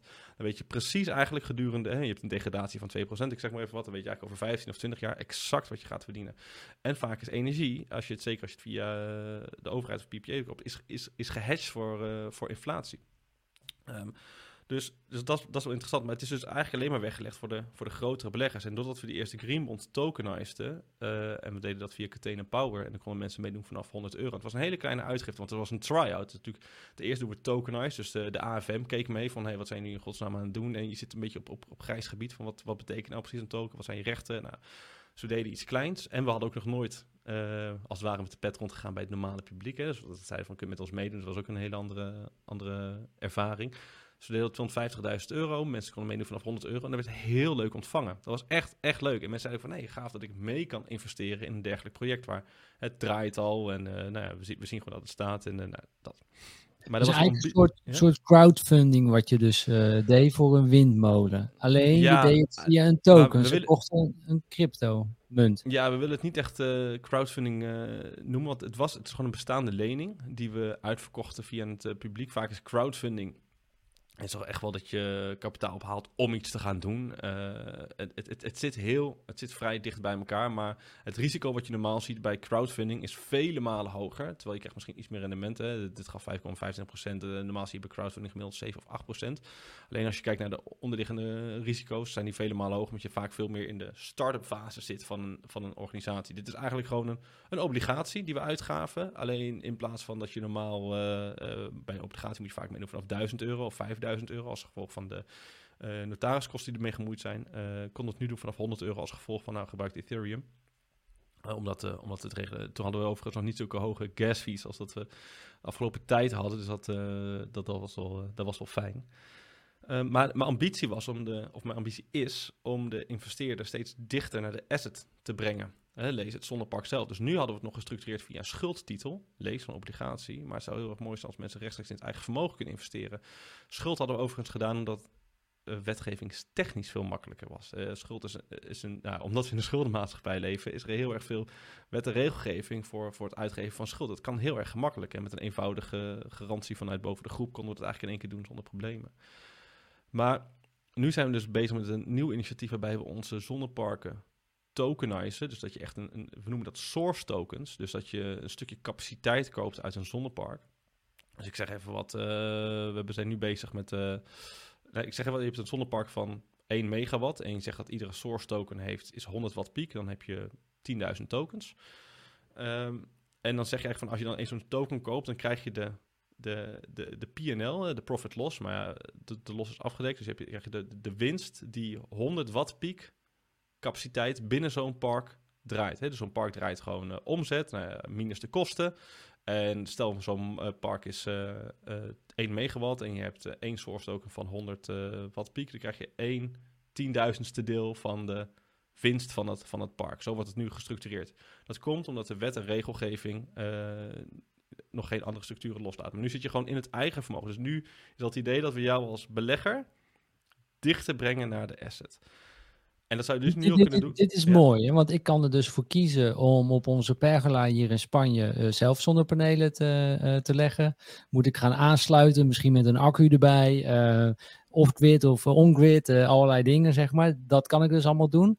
Of ik zeg, ik kan al vanaf 100 euro kan ik jullie token kopen en ik kan me ik kan me in gaan kopen. Ik denk, oh, ik heb weer 100 euro over deze maand. Ik koop weer wat extra zonnepaneel ja. bij, bij jullie zo. En dan krijg ik dan uitbetaald in megawatturen? Of nou dat ja, niet? Nee, dat is nu dus, gewoon in eh, euro's omgerekend uitbetaald. Ja, dus dan kijk ik trouwens heel even over. Er zijn ook heel veel mensen die bijvoorbeeld in een flat wonen of in een huurhuis. Die kunnen niet zomaar zonnepanelen op hun dak zetten. Dus je ziet dat heel. En juist de mensen aan de, eh, die, die wat minder te besteden hebben, hebben vaak niet de mogelijkheid om zonnepanelen op hun, dat op dak te zetten. Dus dat is ook een van de redenen waarom je snel energy poverty krijgt, hè? energiearmoede. Um, nou, in, maar die kunnen dus nu wel deelnemen via jullie. Dat is prachtig. Ja, alleen wat je dus nu krijgt, dus nu zouden we uitbetalen in, eh, in euro's inderdaad. Waarom? We, zijn we, kunnen nog niet op andere manier. Wet en regelgeving is nog niet zover. En uh, andere, andere zaken ook niet, dat ga ik zo meteen uitleggen. Dus ja, je koopt voor 100 watt piek, uh, ik koop een token voor 100 watt piek. Dus ik zeg even wat, uh, 36 euro kost dat denk ik of zo. Nou, dat, dat rendeert dan. Er gaan uiteraard nog wel belasting overheen, want je, het wordt gezien als inkomen, et cetera, et cetera. Maar onze ambitie is, en daar ben ik dagelijks vrij druk mee bezig. Ik zit in verschillende non-profit organisaties, uh, crypto denktanks, uh, uh, blockchain denktanks, ook met de banken. Wat mij nou heel erg gaaf zou lijken, is dat we je niet uitbetalen in euro's, maar in kilowatturen. Dus je hebt een source token, 100 watt piek, en die levert offtake, offtake tokens. Dus voor iedere kilowattuur die wordt gecreëerd, krijg, jij, uh, krijg je een offtake token ter waarde van 1 kilowattuur in je wallet. En die kun je dan gebruiken om je energierekening mee te betalen bij je energiemaatschappij. Of uh, misschien in de toekomst wel jouw elektrische auto mee op te laden. En dan kun je dus eigenlijk uh, je energie hatchen. Je kunt letterlijk, eigenlijk is een soort van gedecentraliseerde, ja, de energy community, dat we kunnen zien, een gedecentraliseerde energiemaatschappij. Dat je als persoon of een groep personen koop je capaciteit van een, van een zonnepark. En kun je die energie zelf gebruiken voor je eigen, voor je eigen doeleinden. En het is eigenlijk van een zotte dat het tegenwoordig nog niet kan. Hè? Want, want als je het niet op je eigen dak kunt leggen, kun je het eigenlijk niet doen. Tenzij je, er is wat wet en regelgeving, als je het binnen een postcode roof doet... en dan kun je het, uh, kun je sharen binnen, binnen bepaalde hoedanigheden. Maar eigenlijk kan het nog niet. En dat heeft een aantal redenen. Er wordt enorm veel belasting geheven op, uh, op energie. En het is ook een van de meest gereguleerde uh, markten, omdat het een, uh, het, is het, wordt, het is bestempeld als een, een, kritische nationale veiligheid. Dus er zit heel erg veel uh, oversight op vanuit Defensie en vanuit de overheid. Dus dat het energienetwerk goed is, goed is geregeld. Maar daar zijn we wel na, naartoe aan het werken. En dat moet je in stapjes doen. En het eerste stapje is, nou, we begonnen dus allereerst dus met het tokenizen van schuld. Nou, dat, dat, dat spelletje, dat snappen we helemaal. Nu gaan we door naar het tokenizen van equity, eigen vermogen. dat noemen we dan source tokens. En de derde fase wordt dus dat we in plaats van in euro's uitbetalen, jou kunnen uitbetalen in, in kilowatturen. En wat er ook bij komt, is crypto, en zoals wij het nu ook structureren, is eigenlijk cross-border. Het gaat zelfs over heel de wereld, nou zou dat uh, te ver zijn. Maar het zou dus eigenlijk heel mooi zijn dat jij als Nederlander uh, een 100 watt piek kunt kopen van een zonnepark in Spanje. Waar wel altijd de zon schijnt. Weet je, dat is, we kijken nu, dus, dus dat je ook echt van die cross-border zaken krijgt. Ik ben over het algemeen ben ik vrij kritisch op het beleid van de EU. maar dit is wel een van de punten waarbij de EU wel heel handig is als dat goed wordt georganiseerd, zeg maar. Snap je? Dus dat je een vrije handel krijgt van, uh, van energie. Um, maar dat, uh, ja, daar zijn we op dit moment mee bezig. En dat is, uh, daar word ik wel enthousiast van. Want dan word je letterlijk, ja, dan, word je onafhankelijk, kun je worden van, je, uh, van de energiemaatschappij. Omdat je gewoon zelf je eigen energie opwekt.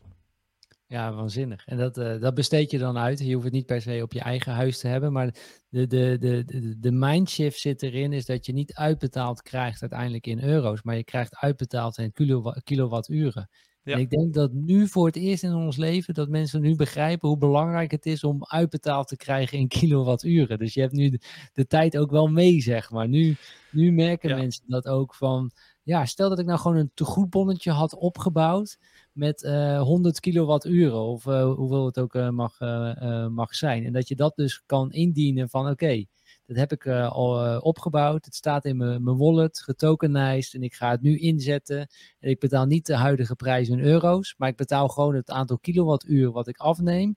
Dat betaal ik nou via mijn uh, tegoedbonnetje wat in mijn wallet staat. Dat is natuurlijk ja. jouw idee wat je voor schrijft, hè? Ja, en ik moet wel zeggen, voor de mensen, dit is nog best wel toekomstmuziek. Waarom? Je hebt met heel veel actoren te maken. Hè. Je hebt met uh, netbeheerders te maken. Uh, je hebt ook te maken met natuurlijk als je energie opslaat en het later gebruikt, heb je daar een degradatie in. Hè. Dus want je hebt altijd verliezen, dat soort dingen. Dus daar moet je allemaal voor corrigeren. Uh, maar dit is wel iets waar, waar het heen gaat. En wij zijn daar gewoon heel erg. we zijn eigenlijk de eerste partij die, dit, die hier naar, naar voren aan het lopen is. En we doen dus echt stapje voor stapje. We doen het nu echt puur je kunt nu nog een aandeel kopen en je krijgt het gewoon uitbetaald in euro's. Is gewoon een, een bankrekeningtransactie. Maar ook dat is in principe, kan het al een hedge zijn op je energierekening. Want als jij zeg maar voor 100 euro koopt en dat rendeert zoveel euro per maand, zou je die, eigenlijk zou je die euro's die je dan ontvangt in mindering moeten brengen op, ja, op de energierekening die je betaalt. Snap je? Dus dan, dan, dan verlaag je eigenlijk al je energierekening. Alleen, ik zal je eerlijk zeggen, het nadeel is, zitten best wel wat belastingen tussen. Snap je? Want je betaalt gewoon, uh, wat ik net aangaf, uh, afhankelijk van hoe je het uh, structureert, komt er binnen op box 3. Maar dat, dat, dat, dat is nog een nadeel. Maar dat is al wel, dat is al een eerste manier om eigenlijk je energie te hedgen, of je energierekening te hedgen, met een energieinvestering. Ja, en, en, en crypto maakt dat, en blockchain maakt dat mogelijk. En heb ik nog niet eens over alle andere zaken die erbij gaan komen. Ik bedoel, zodra eh, we zijn heel erg bezig met het ontwerp van het protocol. Nou, dan ga je heel erg technisch erin. Bijvoorbeeld ESC 1400 tokens. Dat zijn een soort van security tokens. Ja, na een tijdje, als jij voor een 100 watt piek token hebt, dat heeft ook bepaalde waarden.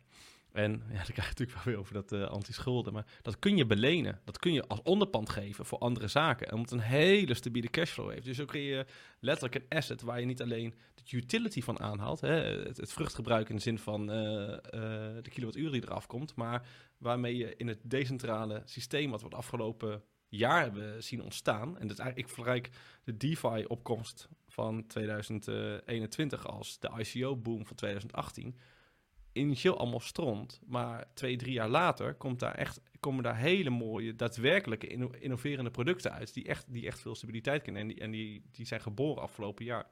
Nou, nu we energie-assets gaan tokenizen, uh, zorgen er al wel voor dat, we, dat de protocollen die we gebruiken klaar zijn voor als er echt DeFi ontstaat, om daar ook gebruik van te maken. Dus je zet ook nog eens in op een veel breder, uh, op een veel breder ecosysteem. En uh, ja, wat ik, wat ik vooral mooi vind is, wij noemen dat altijd, als mensen vragen wat ben je aan het doen met uh, Catena Power, is wij democratiseren energie. Dus normaal is energie is niet gedemocratiseerd, het is alleen toegankelijk voor mensen met veel geld, voor grote beleggers en voor grote institutionele partijen. En wij zijn het nu aan het openbreken. Dus we komt nu, je democratiseert energie en vervolgens gaan we nog een stap verder. Dat je ook zegt van ja, waar hebben we eigenlijk in godsnaam euro's voor nodig? Want we verbruiken energie, laat me ook gewoon betalen in euro's. Laat het hele fiat systeem aan de zijde. Maar ondanks dat het nog een level verder is, is het wel mooi als stip op de horizon.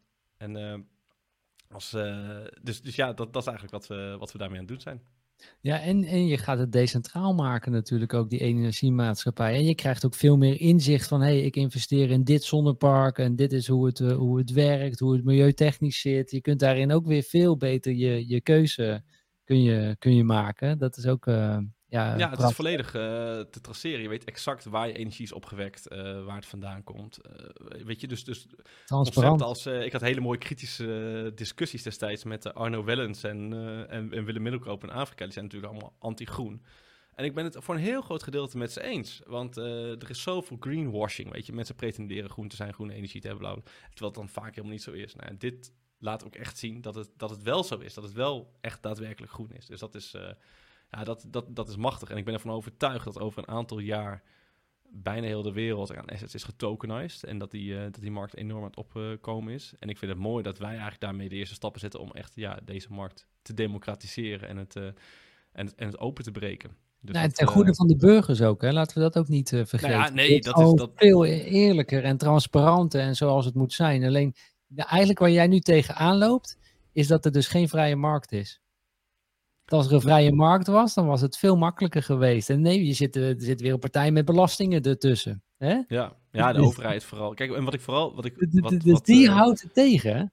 Ja, wat ja dat, dat zeker. Ja, en plus, het is een hele, een hele logge, een hele logge ja, markt. Normaal is energie totaal niet sexy. Ik bedoel, we doen het al meerdere jaren. En, en Catena helemaal, die zit er al bijna twintig jaar in. Um, en een zelfstandig uh, eh, 12 jaar volgens mij. Uh, als je normaal zegt, ja, eh, drie jaar geleden of twee jaar geleden, als ik zeg van nou, we zijn bezig met duurzame energie, oh ja, leuk. En nu toevallig, omdat energie gewoon het, het, het, het punt is van de, van de inflatie, is, is het ineens een, uh, nou, sexy markt is misschien niet het juiste woord, maar er is in ieder geval heel erg veel interesse.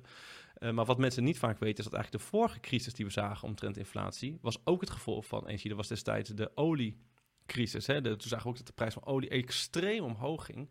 En dat zorgt eigenlijk weer voor een enorme, een enorme wereldwijde crisis. Je ziet vaak dat energie is de basis van alles. Een, een maatschappij die hele goedkope energie heeft, floreert. Er is eigenlijk de theorie, stel je zou energie gratis maken, dan zul je zien dat de industrie en de economie, die schiet direct uh, door het dak heen. Omdat energie ligt aan de basis van de groei van een, van een economie. Dus het is ook helemaal niet gek om ook voor jezelf kritisch te kijken. Nou ja, hoe, uh, hoe is mijn energievoorziening en wat kunnen we daarin doen? En nu zijn eigenlijk je, je middelen zeer beperkt. Ja, je kunt uh, zonnepanelen op je dak zetten, maar dan houdt het wel op. We kunnen niet een kleine kernreactor in de tuin zetten. We kunnen ook niet uh, uh, een windmolen neerzetten, want die dingen zijn hartstikke groot. dus qua opwekking ben je heel erg beperkt en kun je eigenlijk alleen maar solar doen. En alleen maar op je, op je eigen huis als je een huisbezitter bent. En de rest ja, is, is het gewoon niet mogelijk. En misschien is je dak wel niet groot genoeg om, om aan, al je, aan al je energievoorzieningen te voldoen. Ja, nee, maar energie geeft heel veel voorspoed. En het is de, niet alleen de energie die door de, de energieleidingen voor het licht hier stroomt, maar ook voor je energie voor jezelf als persoon. Weet je hoe belangrijk dat al is, zeg maar. Dus het is inderdaad, je eh, geeft het mooi aan hoe belangrijk energie is. En dat het ook interessant is of je daarin kunt, uh, kunt investeren. En eigenlijk een hedge op kunt doen ten opzichte van hoe het nu werkt met de energiemaatschappijen dat je misschien wel kilowatturen kunt krijgen in een token. En mijn vader zegt ook, ja, het lijkt dan een soort salderen wat je gaat, uh, gaat doen. Ja, eigenlijk uh, in het huidige systeem zou je inderdaad uh, zou je salderen. Zeker, uh, daar kijken we natuurlijk achter het scherm ook naar of we kunnen samenwerken met energiemaatschappijen. Dat zou natuurlijk het mooiste zijn, want dan zit je ook direct in een vergunning heel erg goed. En dan kan inderdaad een energiemaatschappij kan op jouw rekening rechtstreeks salderen. Dat zou een hele mooie mogelijkheid zijn. En er wordt naar gekeken, alleen ja, je ziet dat die energiemaatschappijen die vinden het wel interessant, maar tegelijkertijd ben je ook een potentiële concurrent. Uh, dus daar wordt wat uh, op tegengewerkt. En wat ik wel zou willen doen, is ik zou uh, onze visie om het breder te trekken. Dus salderen zou inderdaad gaan om het verbruik op je eigen meter. Maar eigenlijk is het heel erg gek dat als je energie hebt opgewekt en je gaat ergens je elektrische auto opladen langs de snelweg, dat je het weer van iemand anders moet kopen, terwijl je het misschien ergens anders nog hebt opgeslagen. Ik zou eigenlijk willen, je hebt gewoon je hebt, je hebt een grid. Je zou eigenlijk gewoon met die laadpaal met jouw kilowattuur moeten kunnen betalen. Die, die zijn van ja, waarom loopt het nog zeg maar dan weer via een andere uh, energiemaatschappij hè, met alle kosten uh, van dienen tegen een veel hoger tarief? Terwijl ja, je kunt natuurlijk best wel betalen voor het, uh, voor het, voor het gebruik van het grid, omdat je op dat punt gebruik maakt van je tokens. Maar het is eigenlijk wel raar dat je dan weer energie moet kopen van een andere maatschappij. En uiteindelijk zou het dus verder gaan dan, dan enkel salderen. Maar inderdaad, de eerste stap is wel zal, zal daar waarschijnlijk zijn. Kan je ook een, een website delen waar we meer informatie kunnen vinden? Want Richard Marielle die vraagt dat ook aan je. Ze vindt het super interessant. Zij hij of zij, wie er nu zit te kijken. Nog, nog niet helaas. We hadden het er al over. Het is net te vroeg. Wat wel is, het, het is Catena Power. Dus als je nu naar catenapower.com kijkt, dan zie je eigenlijk nog enkel de, de uh, obligatieuitgifte van destijds. Uh, en op de achtergrond staat er eigenlijk al een hele website klaar, een vernieuwing van Catena Power. Waarbij we, ja, dat is het Power obligatieprogramma. Uh, je ziet, het wordt volledig gerebrand en we gaan nu inderdaad van schuld over naar uh, assets. hier zie je eigenlijk de eerste uitgifte des, destijds, dan 50.000 euro, 5,50 euro. Dit was echt een schuldtitel op basis van één molen. Catena Power wordt dus het, het nieuwe concept waar ik het, waar ik het net over had. En dat duurt denk ik nog een week of zes, denk ik. Ik denk dat het eind, eind oktober, begin november live gaat. Maar ik zal het je laten weten tegen die tijd. Dat is wel, dat is, ja, laten we weten. Dat is al best wel... ja, we hebben, we hebben een heel mooi park. We hebben net voor 2 megawatt een park aangekocht. Of eigenlijk een groepje parken in Duitsland. En die gaan we gebruiken voor die, uh, voor die assets. Dus, dat is, uh, dus, dus overal zitten we, zitten we er goed in. Alleen ja, de laatste puntjes op de i is altijd een hoop werk. En vooral fiscaal-juridisch is het echt een draak van een klus. Omdat uh, nou ja, de, de, de parken in dit geval, die staan in Duitsland. Over het algemeen de beleggers in Nederland. Nou, dan heb je de AFM die er iets van moet vinden. Je hebt de BaFin, dat is de Duitse AFM die er iets van moet vinden. Uh, en dan vertel je vaak ook nog eens dat je Ethereum gebruikt als uh, settlement layer. Dan is het uh, direct overal alle rode bellen, weet je, ja. alle rode vlaggen gaan naar buiten. Dus, maar we zijn, er, we zijn er zo goed als uit. Maar ja, de, wat ik al zeg, de laatste puntjes op de i is altijd een hoop werk. Dus over een week maar, of zes gaat het naar buiten. Ja, geweldig. Maar is de distributie van de energie ook niet heel erg lastig? Want het is wel interessant dat je natuurlijk via jullie zonnepark energie opwekt. Um, dat het dan opgewekt wordt, maar het moet wel ergens opgeslagen worden. En als ik dan in Nederland mijn Tesla ga opladen, moet wel daar die energie komen. Of ga je dat dan verkopen aan een andere partij en die levert dan precies nou, voor die... Je, kijk, dit is, dit is precies uh, hè, waarom echt met uitbetaling kilowatturen is de stip op de horizon, is, uh, is, de, is de toekomst. Dat is nu echt nog zeker niet het, uh, niet het geval.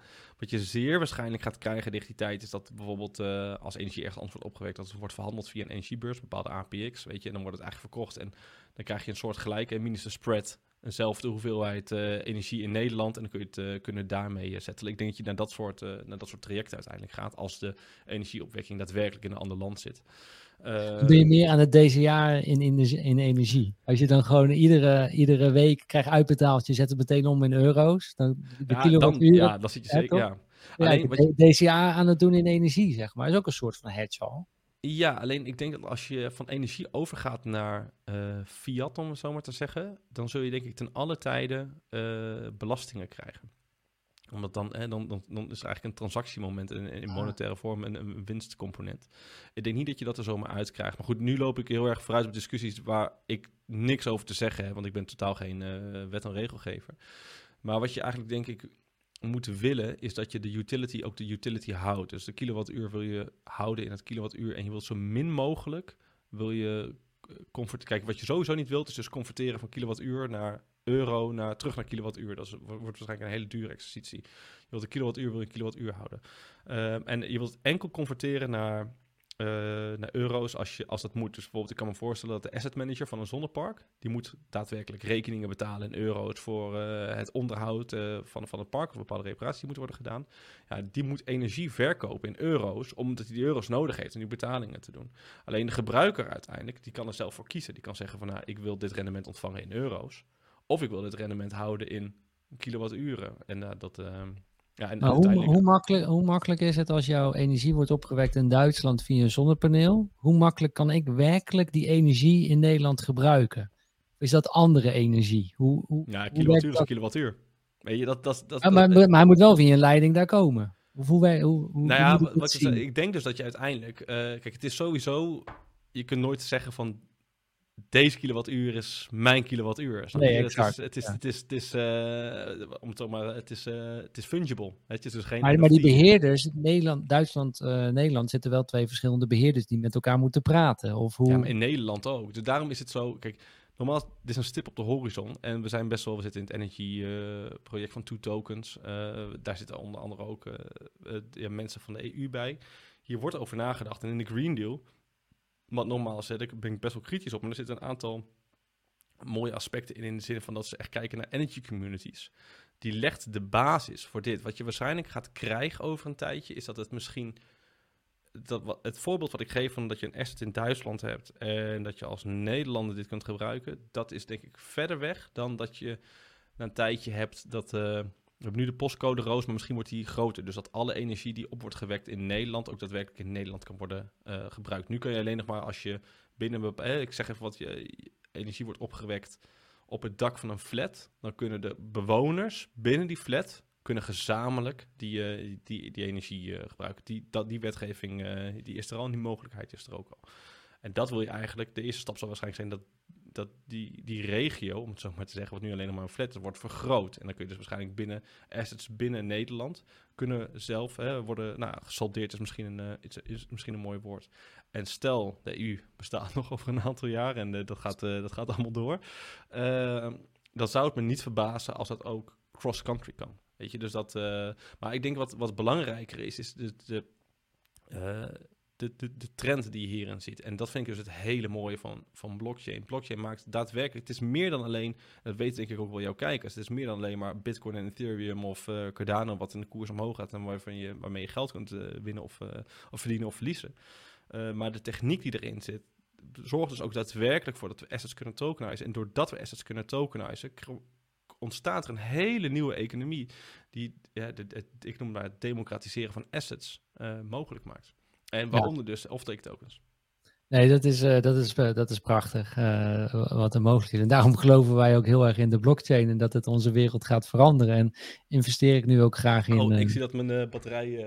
oh ja, dit is het moment waar we het over, over hadden van tevoren, hè, David. Ja, daarom. Yo, het, het, het, het, is, het is gelukt. Dat, uh, de batterij van David is op, maar hij heeft een tweede batterij. Dus hij gaat gewoon uh, terugkomen. En, uh, ik zei al, als het lang duurt, dan lullen we de, de accu leeg. Kijk, ja. we zijn alweer. Ja, dat, is een goed, dat is een goed teken dat het weer gelukt is, inderdaad. Ja, wat is het, hij, ja, hij doet ongeveer twee uur op een accu. Nou, best, best wel redelijk, want hij zit toch op 720p. Dus dat is niet, niet gek.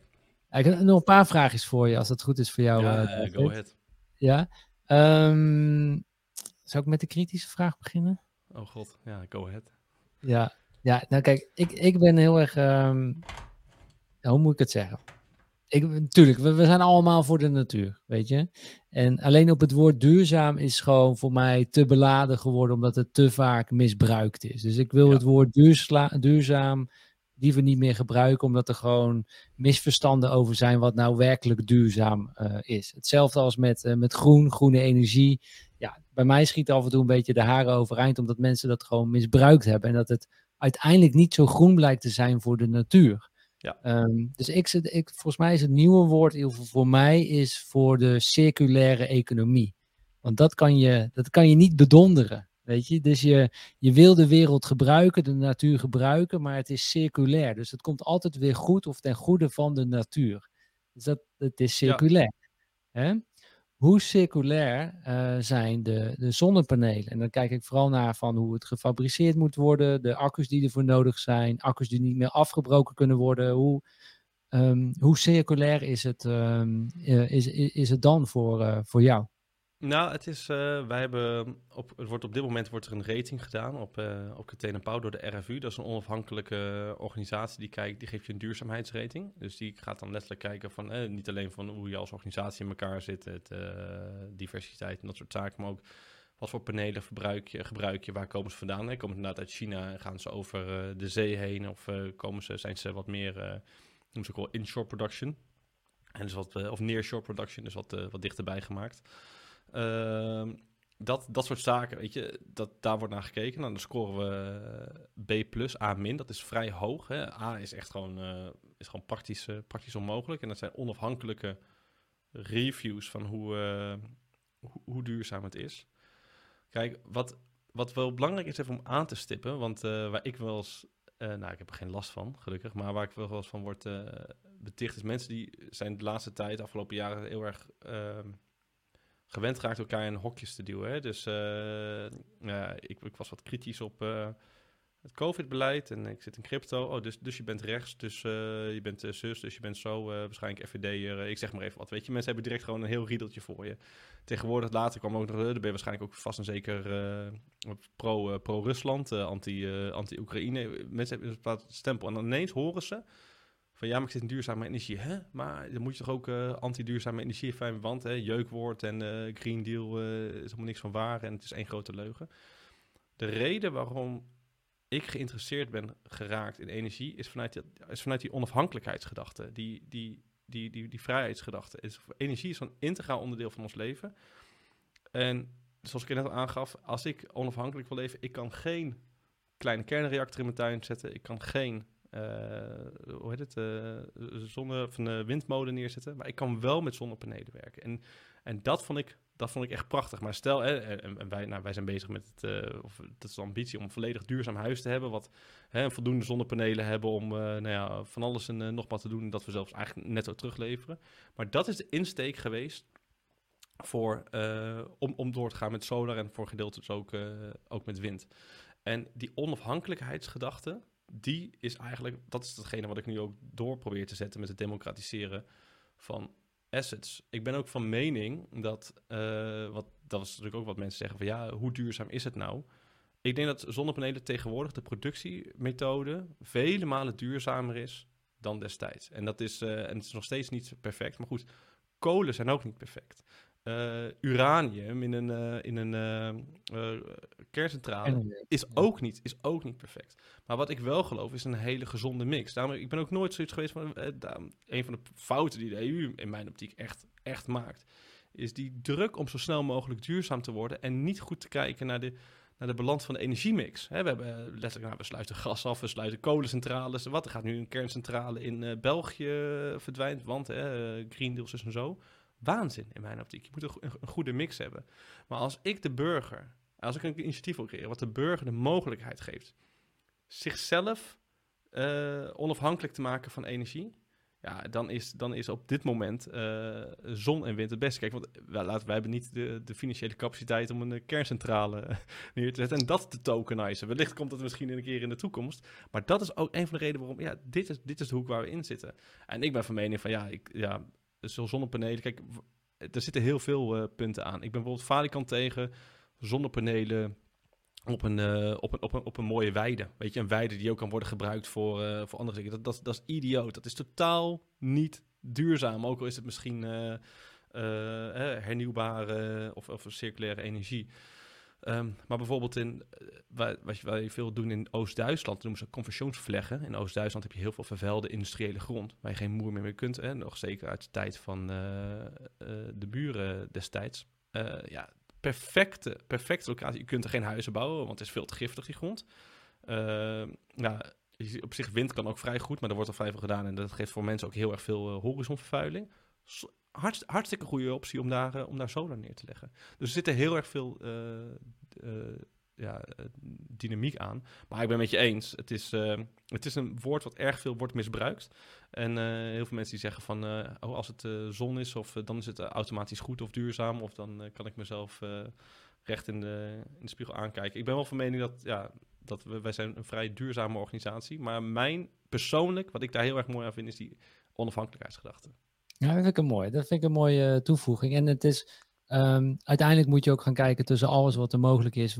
Welke is dan de beste van de rest op dit moment? Hè? Dus we, we hebben het nog niet uitgevonden. Nou, misschien was het ooit wel eens uitgevonden, uh, de oneindige energie door meneer Tesla. Maar ja, die is niet meer onder ons. Dat kan bepaalde redenen hebben dat hij uh, het misschien had ontdekt. Hè? Hoe je oneindige energie kunt, kunt creëren.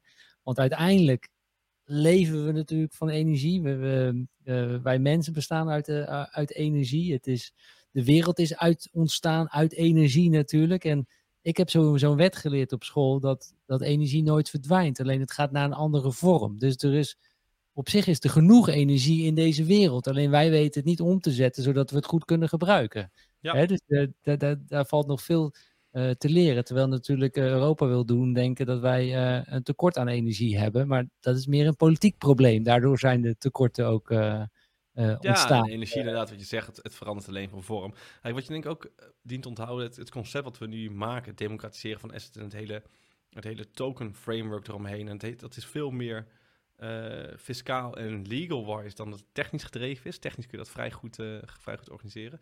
Maar dat is en kijk, ik geef nu het voorbeeld van zonnepanelen, omdat het is waar we in zitten en wat we nu hebben en wat op dit moment denk ik in mijn optiek de beste oplossing is. Maar als er andere zaken komen, je kunt het overal op toepassen. Eigenlijk als het een cashflow genererende asset is, met bepaalde karakteristieken, waardoor het zich dus leent als uh, source en offtake, ja, dan, dan kun je eigenlijk dit soort concepten daarop uh, toepassen. Je ziet het nu voor niks ook best wel veel nu in uh, vastgoed ontstaan, omdat vastgoed is in principe ook een cashflow genererende asset. Daarom kun je het vrij goed tokenizen en offtake daarvan ook. Maar ja. Uh, ja, dat. Interessant. Jos van Diepen vraagt zich nog af, wat gebeurt er na afloop met de zonnepanelen? Recyclen of net als de rest op de grote hoop? Nee, tegenwoordig, nou, dat is, dat is, naar wordt gekeken door RFU.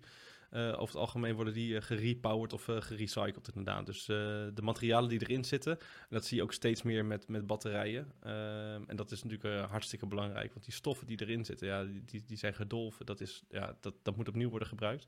Dus om, om een goede rating te krijgen, die rapporten komen TCT, als, uh, als het zover is, staat het RFU-rapport, staat ook gewoon zeker weten in de dataroom van de website. En dan kun je dat zelf, uh, zelf bekijken. Maar het wordt zeker niet, uh, niet weggegooid. Niet, dat, daar kom je ook niet meer, in mijn optiek, en maar goed ook, niet meer mee weg in, in, in Europa. Dat, dat, dat, dat vind ik dan wel weer echt positief. Dat is mooi. Dat is, dat ja, is dat is echt, want dat is, maar dat is sowieso destijds, ik vind, ik vind dat nog steeds ook de eerste, ik, ik, ja, die, die duurzaamheid van elektrische auto's, dat is ook een, een hele ja, dat, dat, is niet, dat is niet een, zomaar een, een, eenvoudige discussie. Hè. Het heeft er heel erg mee te maken van ook hoe wordt zo'n auto geproduceerd, wat voor materialen gaan erin, uh, de energie die je gebruikt in die auto, waar komt die vandaan, weet je? En dat is eigenlijk ook met, uh, met, uh, met. Wat ik wel belangrijk vind, en dat zeg ik wel tegen de criticasters van, van, van Zon, in, initieel, jaren, ja, laten we zeggen 15 jaar geleden, was Zon totaal niet uh, rendabel. Het moest constant worden gesubsidieerd. Uh, productiekosten waren veel te hoog. Maar doordat die markt groeide, werden uh, productiemethodes verbeterd, de techniek ging verder. En kom je uiteindelijk tot een, tot een techniek die een hele goede toevoeging vormt op de, op de energiemix. En ik denk wel dat dat belangrijk is voor men om, om in gedachten te houden. En zo kijk ik ook naar tegen auto's. Zelf rijd ik nog een, een diesel. Dus wat dat betreft zit ik ook niet, niet op die hoek. Maar dat is wel, ja, wel, wel zoals het is. Nee, wat ik bijvoorbeeld met een uh, Tesla vind. Kijk, ik vind dat fantastisch, die in, uh, technologische innovatie. En ik wil dat alleen maar uh, steunen. Maar wat, wat, je eigenlijk doet, je, je, je outsource je milieu, milieuprobleem naar een ander gebied. Dus nu, ja. je hebt je milieuprobleem van die vieze uitlaatgassen, die heb je niet meer in je stad. Ja, ik vind het fantastisch, weet je, als, als bewoner van een stad, dat daar geen uitlaatgassen meer zijn. Nou ja, dat, dat milieuprobleem voor mij is opgelost. Alleen ja, ergens anders worden die accu's uh, ontwikkeld. Uh, of de restafvallen worden ergens anders weer gestort als het niet meer wordt gebruikt. Maar ja, dat, dat outsource je dan uit de stad. En je legt eigenlijk het probleem ergens anders neer. Ja, het is nog niet, ik, de op, niet de oplossing voor de lange termijn. Maar het is al wel een verbetering voor, voor de stad en die burgers dan. Nee, ik moet zeggen, dit is iets wat me jaren geleden heel erg bezig heeft gehouden met, uh, toen zaten we heel erg in het minimalistisch leven, hè, over productie, uh, productie of consumptiegoederen. Want eigenlijk hebben we sowieso heel erg het probleem, hè. we zeggen dat we hier in Europa heel erg duurzaam zijn, maar eigenlijk hebben we de volledige productie verplaatst naar China. Dus daar vindt vervuiling plaats, plus ook nog eens de transport naar Europa. En dan zeggen we, oh, we zijn hier duurzaam, terwijl wij zijn eigenlijk de motor van die vervuiling daar. Um, ik hoop wel, en dat misschien ook nog toekomstmuziek, maar je ziet natuurlijk steeds vaak dat supply chains worden getokenized. Over een tijdje zijn we veel beter in staat echt te zien waar dat product nou daadwerkelijk vandaan komt. Want het is af en toe idioot wat voor eh, weg een bepaald product heeft uh, afgelegd voordat het komt. En dat is natuurlijk zeker helemaal bij complexe supply chains, zoals bijvoorbeeld een elektrische auto of uh, ook zonnepanelen. Want die stoffen die komen ook van overal op de wereld vandaan worden vaak uh, geproduceerd op, uh, in land B, geassembleerd in een ander land, uh, dan nog op transport. Dat, daar valt een hoop, hoop in te verbeteren. Ja, en voor tokenizen, waarom hebben jullie voor Ethereum gekozen? En blijven jullie in de toekomst ook al voor, op Ethereum? Of zijn er toch ook andere interessante net, blockchain-netwerken voor, voor jullie?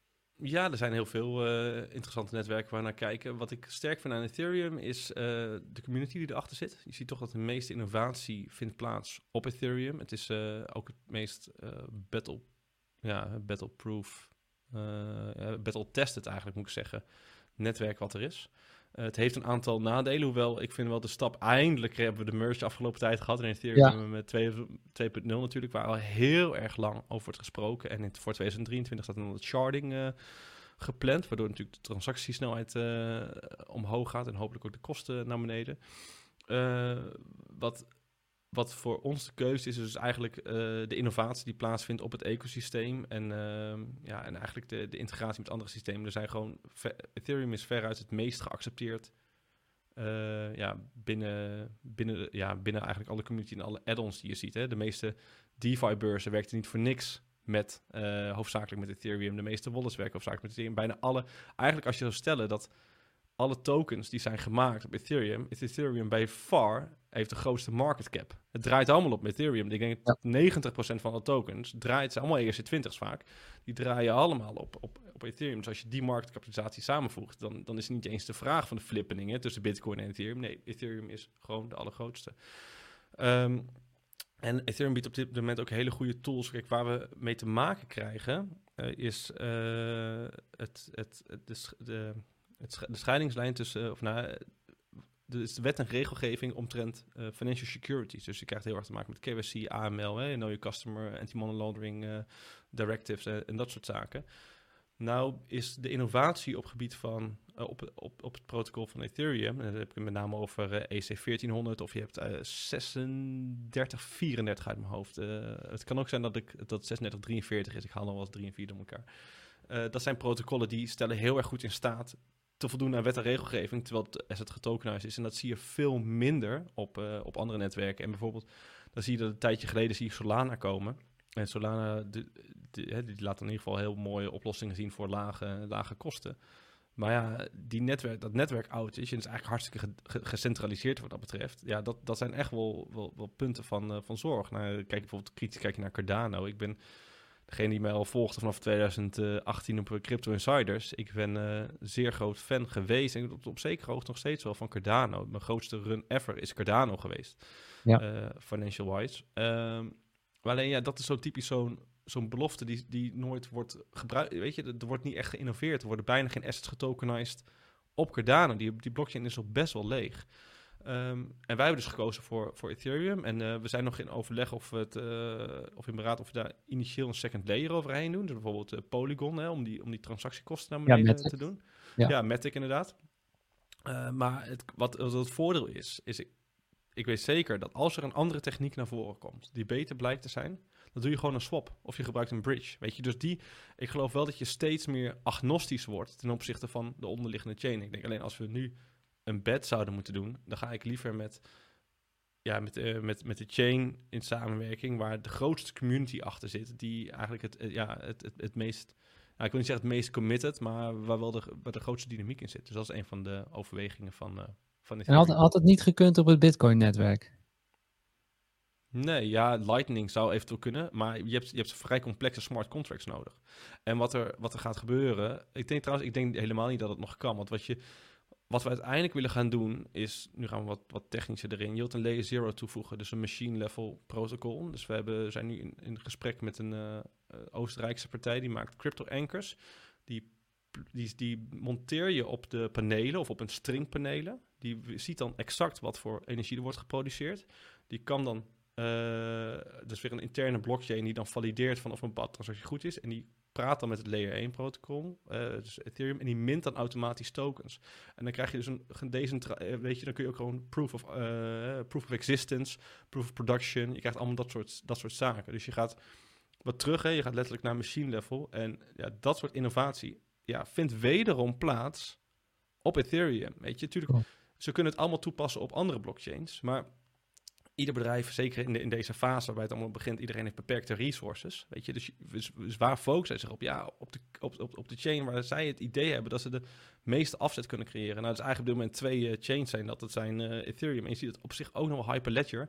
Omdat het echt een beetje zo'n uh, zo, zo'n zo'n business chain is. Maar ja, Hyperledger is, is, is hartstikke permissioned. En ik vind het juist wel mooi om een permissionless blockchain te hebben. Zodat iedereen kan zien daadwerkelijk wat transacties zijn en een wat minder gecentraliseerde validatie. Want ja, Hyperledger blijft wat dat betreft nog steeds ja, het aantal nodes die Hyperledger dan draait binnen zo'n omgeving is best wel beperkt. Dus dan blijft eigenlijk wederom alleen uh, Ethereum over. En nogmaals, mocht het ooit veranderen, maak je gewoon de switch naar. Uh, Kunnen jullie uh, switchen? Maar het idee was ook om het, de energie onafhankelijker te maken, weet je? Dus je wil decentrale. Dus je wil ook naar een, een blockchain die ook voor in jullie gevoel meer uh, decentraal. Uh, maar wat je dus wel krijgt, je krijgt hele kritische vragen over. Uh, dus, dus nu ben je eigenlijk, wat je nog, als je off-take tokens zou hebben, word je gedwongen naar een layer 2 te gaan, zoals bijvoorbeeld Matic, omdat het kan niet zo zijn dat de, de, de transactie van een, van een, of een validatie van een blok meer energie bijna kost, of, of misschien al 10% van de energie, van de kilowattuur die je wilt produceren. nou, zal het tegen die tijd zal het wel opgelost zijn. Want dan zijn ineens ga je kijken van oké, wat is wat we willen tokenizen en, en wat zijn de karakteristieken daarvan? En hoe matcht dat bij de, bij de blockchain? Want je natuurlijk wat dat betreft ben ik wel blij dat Ethereum nu naar Proof of Stake is gegaan. Dat verbruikt veel minder energie. Anders zie je natuurlijk die discussie al aankomen. Oh ja, jullie tokenizen energie, maar jullie verbruiken heel veel energie. Lekker duurzaam zijn jullie, weet je. Die, die, die, die, die zie je natuurlijk al mijlen ver aankomen. Ja, en zo kijk je dus ook heel erg naar de karakteristieken van de blockchain. Enorm leuk om mee bezig te zijn. Ja, inter interessant. En, en, denk je nu ook voor Ethereum dat het een uh, security gaat, uh, gaat worden? Dus dat het daardoor ook meer gereguleerd gaat, uh, gaat worden? Omdat ze ja, ze hebben eigenlijk de. Het zijn nu, je, je hebt nu te maken met stakeholders, zeg maar. Ja. Terwijl bij, bij Bitcoin heb je nog uh, energie. En dan wordt het gezien als een grondstof, zoals goud. En dan is het dus geen security. En daardoor heeft het minder wetgeving nodig, uh, volgens de, de wetten. Ja, bij Ethereum, die zijn van proof of work naar proof of stake gegaan. Ze hebben de energie eruit gehaald. Ja, eigenlijk niks meer wat het echt backt, zeg maar. Het zijn nu de stakeholders geworden. Het is eigenlijk een aandeel geworden, zoals bij de aandelen. Um, ja, heb je stakeholders. En is het dus een security, valt het onder heel veel uh, wet en regelgeving. En moet je ieder kwartaal eigenlijk ook uh, uit de doeken doen hoe het is gegaan met het, uh, met het bedrijf. Hè? Moet je je balans ja. gaan delen. Denk je dat Ethereum dus nu dat overheden het gaan reguleren en dat het daardoor, ja, ja, in, ja, in die handen wil ik niet zeggen, want het blijft nog wel decentraal met de nood. Maar ja, ja wordt het wel een security wordt het. Ze, ze hebben nu wel een, een zweep om mee te slaan, denk ik. Ja, ja, ja. Ik heb... Uh, ik, ik, las het ook een tijdje geleden. Voor mij had de vet al aangegeven van... Uh, nee, we, we, uh, wij, wij, zien het nu als een security. Want ja, dat is, dat, daar is niet heel veel... Ja, is wel wat tegen in te brengen. Maar ik, ik snap hun redenering wel. Ik denk dat vroeg of laat was het sowieso een kwestie van tijd... voordat het een security werd. Of in ieder geval dat het onder de regulering komt. Hè. We zien nu ook uh, natuurlijk de MICA-wetgeving uh, tot stand komen binnen de EU. Het is, het is een kwestie van tijd dat, uh, dat het gereguleerd wordt. En als het niet via rechtstreeks op de crypto gaat, gaat het uiteindelijk wel via central bank digital currency, waarbij ze zeg maar die, die transacties kunnen, kunnen ja, eigenlijk besturen of in ieder geval ja, ze weten nu sowieso al wat er in en uit gaat bij je. Ze weten hoeveel euro's er in de crypto gaat. En als je het weer terugzet, hoeveel er uh, gaat. Dus dat weten ze exact. Het is gekoppeld aan je wallet en is allemaal te, te traceren. Ja, dus en we krijgen natuurlijk ook dat non-custodial wallets zoals Metamask, die binnenkort ook een KYC uit te voeren. Dus, eh, dus, dus dat, dat, gaat er, uh, dat gaat er helaas uh, allemaal komen. Ja. ik, denk, ik denk wel dat uiteindelijk het... Na, ik denk dat ze erachter gaan komen dat het niet haalbaar is om het helemaal te zien als een security. Omdat er inderdaad zit ook weer niet echt een... Uh, een uh, Eén bedrijf. Is, exact. Dus het geen, wat je zegt over die balans, ja, uh, hoe, hoe, hoe, hoe, ga je dat fixen? Maar ja, je, je ziet ook in Amerika zie je nieuwe wet en regelgeving komen. Ik denk dat we, laat ik het zo zeggen, we kunnen vaststellen dat er veel meer wet en regelgeving en toezicht gaat komen op, op crypto. En enerzijds vind ik dat doodeng, anderzijds het is niet iets wat je, wat je, wat je kunt tegenhouden. Um, ja, het staat nu niet de ontwikkeling die wij doen met het tokenizen in de weg. Maar het is wel iets wat, uh, wat, wat we natuurlijk uh, ja, hartstikke in de, in de gaten houden. Wat we natuurlijk een leuke discussie is over het tokenizen van energie. Is eigenlijk zou je kunnen zeggen dat wij een utility token produceren. Want je hebt een source token, uh, eh, 100 watt piek, en die levert kilowatturen, utility. En dat is dus geen security. Nou weet ik zeker dat als ik dat tegen de AFM ga zeggen, dat ze gaan lachen. Want ze zeggen, ja, dat, je kan maar wat, het is gewoon een security. Maar het biedt wel de basis voor een hele mooie discussie van, ja, oké, eigenlijk ook weer niet, weet je. Want we, we blijven, als het inderdaad geld oplevert, is de security token, daar kun je weinig over zeggen. Maar als je het binnen de utility houdt, niet. Daar ben ik kilowattuur, kilowattuur, daar binnen Ja, dan, dan, dan, blijft het eigenlijk de utility, hè, de, de utility van, uh, van, van, van de source, van, van het paneel. Maar ik... Zoals ik- goud goud blijft, bedoel je dat dan, zeg maar? Nou, het is meer, in principe is, ehm, eh, het wordt nu heel erg vaak ook gekeken naar de, naar, naar de Murphy-wet. Of, of, een bepaald, of je, of je het idee hebt dat als je ergens in investeert, dat je dan een return krijgt en of het meer waarde heeft. En zo, wordt er eigenlijk, zo zijn er een aantal, een aantal facetten waar wordt gekeken of iets een security of niet is. Nou, als je investeert in een, of eigenlijk je koopt een paneel en de opbrengst van het paneel gebruik je, dan is het iets anders dan zeg maar echt een investering. Daardoor zou het kunnen worden gezien als een utility. En dat is eigenlijk ook zoals het werd eh, gezien bij het eh, Proof of Work consensus mechanisme. Nou, dat is een argument wat je zou kunnen voeren met de AFM. Maar die hadden we hypothetisch, want ik weet, je gaat er niet meer wegkomen. De AFM die zal misschien zien dat dit zo kan worden gezien, maar er wordt gewoon wet en regelgeving aangepast. Ik kan me niet voorstellen dat overheden uiteindelijk zo'n grote markt van het tokenizen van assets of andere zaken weg laten glijden in de zin van eh, eh, utilities. Ik denk dat wat er gaat gebeuren de komende tijd is dat ze gaan dat ze zich realiseren dat eh, de huidige wet en regelgeving verouderd is. Nou hebben ze dat trouwens al een stap geprobeerd te doen met de MiCA-wetgeving, om die ook te updaten. En naarmate ze zien van dat bepaalde zaken niet worden meegenomen of niet goed worden gereguleerd, dat die er gewoon eh, bij inkomt. Dus ik denk dat, ik denk, uh, terugkomt op de vraag, wordt nu binnenkort Ethereum een security? Ik denk niet heel snel, maar ik denk wel dat de kans groot is dat het binnen afzienbare tijd wordt. Nou, dan gaan ze waarschijnlijk achterkomen dat het niet werkt op de huidige manier. Er komt er andere wet en regelgeving voor. En het is denk ik een kwestie van tijd dat, dat Bitcoin daar ook uh, bij wordt. Want de, de, ja, de marktkapitalisatie wordt gewoon te groot in hun ogen. En een te grote bedreiging voor, uh, voor het monetaire systeem. Maar denk je dat het uiteindelijk, ondanks dat er regelgeving is, ondanks dat uh, je privacy misschien wel achteruit gaat, dat het wel bullish is voor de cryptomarkt? Of denk je dat het juist averechts ja. gaat werken? Nee, ik denk dat het. Um, ik denk dat je nu richting de groep gaat komen binnenkort. Kijk, de, omdat er een Laten we het even hebben over bitcoin. Hè. Uh, beperkt aantal bitcoins. Uh, dus, dus, dus de hoeveelheid blijft gelijk. Eigenlijk gaat de koers van bitcoin alleen maar omhoog als er meer kapitaal instroomt. En ik denk dat de groep mensen die misschien binnenkort zou toetreden, juist gaat toetreden als het wordt gereguleerd. Het zijn, we gaan nu toch meer naar de laggard. Uh, de, de echte early adapters, die fase, hebben we in mijn optiek al wel, wel gehad. Ik denk dat je nog steeds wel vroeg bent als je er nu bij zit. Maar als zodra de regulering komt en er wordt veel breder gebruikt. Kijk, ik moet je ook voorstellen, als er regulering komt, kunnen ook in één keer grote institutionele partijen veel gemakkelijker rechtstreeks investeren. Als, dan krijg je ook de, de zogenaamde ETF's. Je kunt veel gemakkelijker exposure nemen. Dat kan gewoon nu nog niet. Dus vanuit die hoedanigheid is het bullish. En is het denk ik positief voor de koers van bitcoin.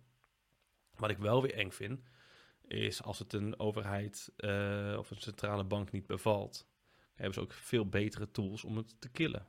Weet je? Dus maar aan de andere kant, als het dan weer heel erg veel wordt gebruikt, als heel erg veel partijen, ook grote partijen, exposure op hebben, zullen het echt niet zomaar uh, de nek omdraaien, omdat het effect dan te groot zou zijn. Dus ik, en het kijk, is wereldwijd dit. Dat is ook nog een verschil. Ja, ik nou, destijds in, in 2000.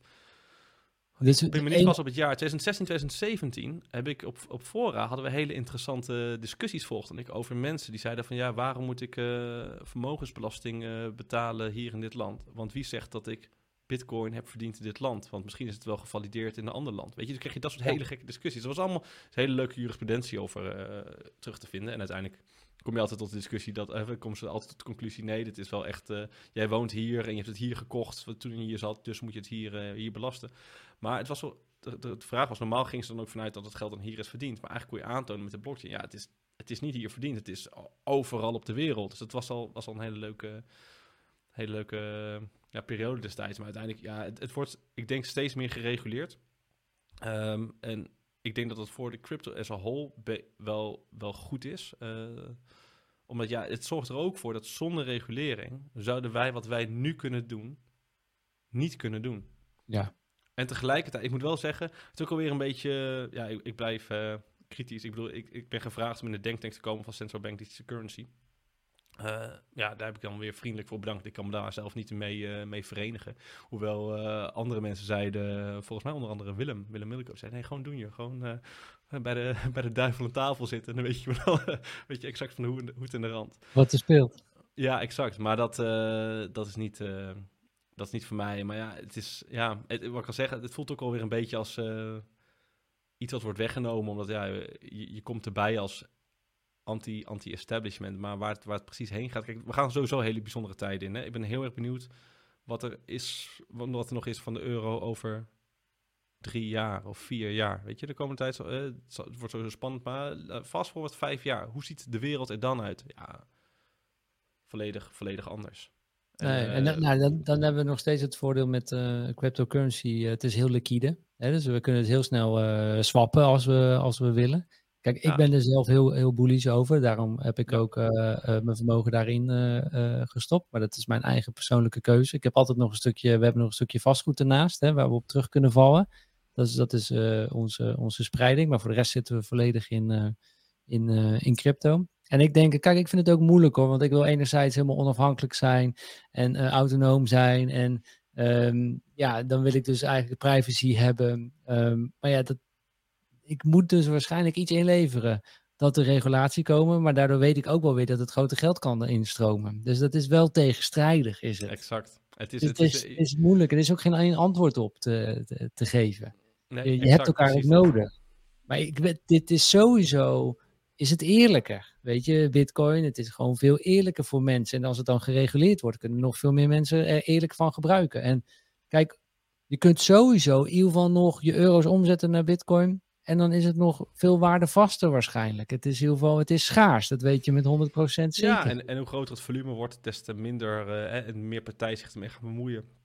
Gaat die volatiliteit zeer waarschijnlijk ook naar beneden. Dus dan wordt het inderdaad veel betere store of value. Hè? Wat, wat nu nog, uh, ja, wat, het argument voornamelijk nu is nog van ja, het is geen store of value, want in één keer kan het 30% minder, minder waard zijn.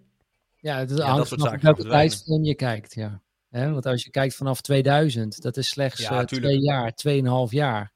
De enige asset die de inflatie heeft verslagen is bitcoin. Hè? Dus uh, ja. Ja, ja goud doet eigenlijk ook goed hè? als je kijkt naar eurotermen. Dus mensen zeggen, ja, maar waar is goud dan? Ja, goud ten opzichte van de dollar is gedaald, maar goud ten opzichte van de euro is vrij, uh, vrij gelijk uh, gebleven. Maar ik ben, ik ben met je eens. Ik bedoel, ik, ik quote nu eigenlijk eventjes de, de tegenstander. Want je kunt natuurlijk ook zien, de enige asset die echt waarde heeft gedaald is gewoon fiat. Meer dan 90% over de afgelopen 40, eh, 50 jaar of zo. Dat is... Uh...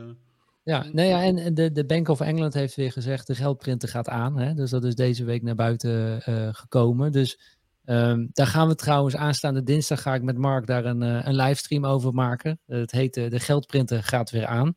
de Escape 9 to 5 kan je daar kijken. Je kunt je daar al voor, voor aanmelden op de website uh, escape9to5podcast.nl. Meld je aan en gaan we dinsdag eens hebben over dat de geldprinter weer aangaat. Maar vandaag kwam dus ook naar buiten, dat is de pond, hè, maar uh, vandaag kwam ook naar buiten dat uh, Duitsland gaat ook al de, de geldprinter eigenlijk op een indirecte manier weer, ja, weer ook weer aanzetten. Ja. Um, dus we gaan weer het probleem niet oplossen, oplossen van uh, ons kredietprobleem, onze schuldenmaatschappij. Ja, die gaan we dus weer financieren met weer meer, uh, meer geld bij te, te printen. Dus, maar dit, ja, het, is weer geen oplossing. Dus ja, de geest is uit de fles. Nu kan het niet meer. En ik denk dat ze gewoon met de rug tegen de muur uh, staan. En ze kunnen niet anders, want de bevolking verwacht het. Die is het gewend. En dit zijn volgens mij de laatste fases van een, uh, een zeer grote crash. Ja, en ik, uh, ik heb in 2019 de domeinnaam de grote depressie.nl geregistreerd nog niks mee gedaan. Maar toen dacht ik al, we krijgen geen, als dit fout gaat, krijgen we geen recessie, maar een depressie. En, uh, want dit, dit, dit gaat volgens mij zoveel uh, problemen leiden. En je ziet nu eigenlijk, het is eigenlijk volgens het boekje, maar zo ook het boek van de Weimar-inflatie. ja, je ziet gewoon nu, het enige wat overheden kunnen doen, ze kunnen de rente niet verlagen, alleen verhogen. Ja, ze kunnen nog wel met geld strooien, of hè, door middel van subsidies indirect. Ja, in tijden van inflatie waarbij het oploopt, alleen maar dit, dit nou, ik, ik kan er niet bij. Dan kunnen we, in, uh, kunnen we nog weer drie uur over lullen. nee, nee, exact. Dus, maar eh, ik merk wel dat steeds meer mensen wakker worden. En als je eenmaal wakker bent geworden en je ziet bepaalde dingen, kun je niet meer terug. En dat is door alles wat er nu in de wereld is gebeurd, vanaf 9-11, uh, de corona wat we hebben gehad, het bijprinten, de, uh, noem maar op. Steeds meer mensen worden wakker. Dus die kritische groep wordt ook wel steeds groter. Hè? Dat je het op een gegeven moment ook niet meer als centrale bank of overheid onder controle kan, uh, kan hebben, in, denk ik. Ja. Um, en iedereen voelt het nu in zijn portemonnee. Dus uh, ja, bijzondere tijden wat er gaat, uh, gaat aankomen. Maar sowieso vind ik het interessant om in schaarse dingen te, te investeren. En dat is eigenlijk bijna alles wat de overheid niet kan, kan bijprinten. Ja, de, de, de Willem. De Willem, de Willem, de Willem, Willem quote, inderdaad. Dus David, ik wil je echt super bedanken. We zijn 2 uur en 42 minuten onderweg. Er zijn nog steeds 49 kijkers. Super bedankt dat jullie zo lang hebben gekeken. Van twee, twee gasten die heel spiritueel begonnen over het leven. Die helemaal deep dive gingen in Ethereum of het een security zou gaan worden. het heeft onze interesse en daar hebben we het over gehad.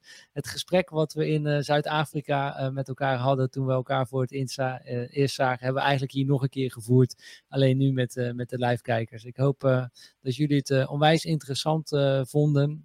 David, ik wil jou super bedanken voor, jou, voor jouw input voor deze, deze livestream. En ik heb ook een cadeautje voor je, wat ik je graag wil overhandigen. En je mag kiezen uit een van onze shirtjes. We hebben oh. een, een zwart Follow Your Win t-shirt, wat ik zelf aan heb. Het is trouwens organic.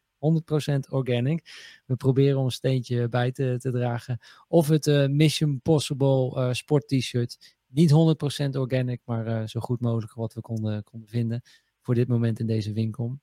Dus of het Follow Your Wind shirtje of het, het sport t-shirt Mission Possible. Ik aan jou allebei wel vet eigenlijk. welke, is het lekker, welke is het lekkerste met sporten? dat is de Mission Possible, want dat is een sport t-shirt. Dus dat, is, dat, dat helpt dan met het zweten en zo. dit is gewoon een alledaags t-shirtje wat ik aan oh, ja, Doe dan maar die Mission Possible. Dan ga ik hem dragen tijdens als ik naar de gym ga. Cool, cool. Je weet zegt ook, ik heb mijn Follow You Wind hoodie aan. Mission Possible. Maar die zit gewoon achter de computer met zijn Mission Possible uh, hoodie aan. Cool, je. Cool dat je er weer eens bij bent. Geweldig. Een van onze trouwste kijkers. Uh, we gaan het Mission Possible t-shirt gaan we naar uh, Ibiza opsturen. Komt jouw kant op, David. nogmaals, Leuk. super bedankt. via de chat wordt ook gezegd, super inspirerend, heren. dankjewel voor het kijken. Blijf nog even hangen, David. En wij sluiten deze livestream af. Bedankt iedereen voor het kijken. Deel het alsjeblieft met je familie, vrienden. Inspireer elkaar. Uh, en mocht je het willen, je kunt ook een donatie geven via Bitcoin Lightning. Super simpel door gewoon even die QR-code te scannen. Of via het e-mailadres followyourwind.catalby.com. Is trouwens een Lightning-adres. Daar kun je het ook gewoon naar sturen via de Blue Wallet app. mocht je willen weten hoe dat werkt, download gewoon op onze website de Bitcoin video handleiding. Hebben we alles in video uitgelegd hoe Bitcoin werkt. En ook hoe het Bitcoin Lightning netwerk uh, werkt. Linkjes staan onder de video. Bedankt voor het kijken. En tot nou, dinsdag. Escape 9 to 5, de podcast.nl. Gaan we het hebben over de geldprinter. Gaat helaas weer aan.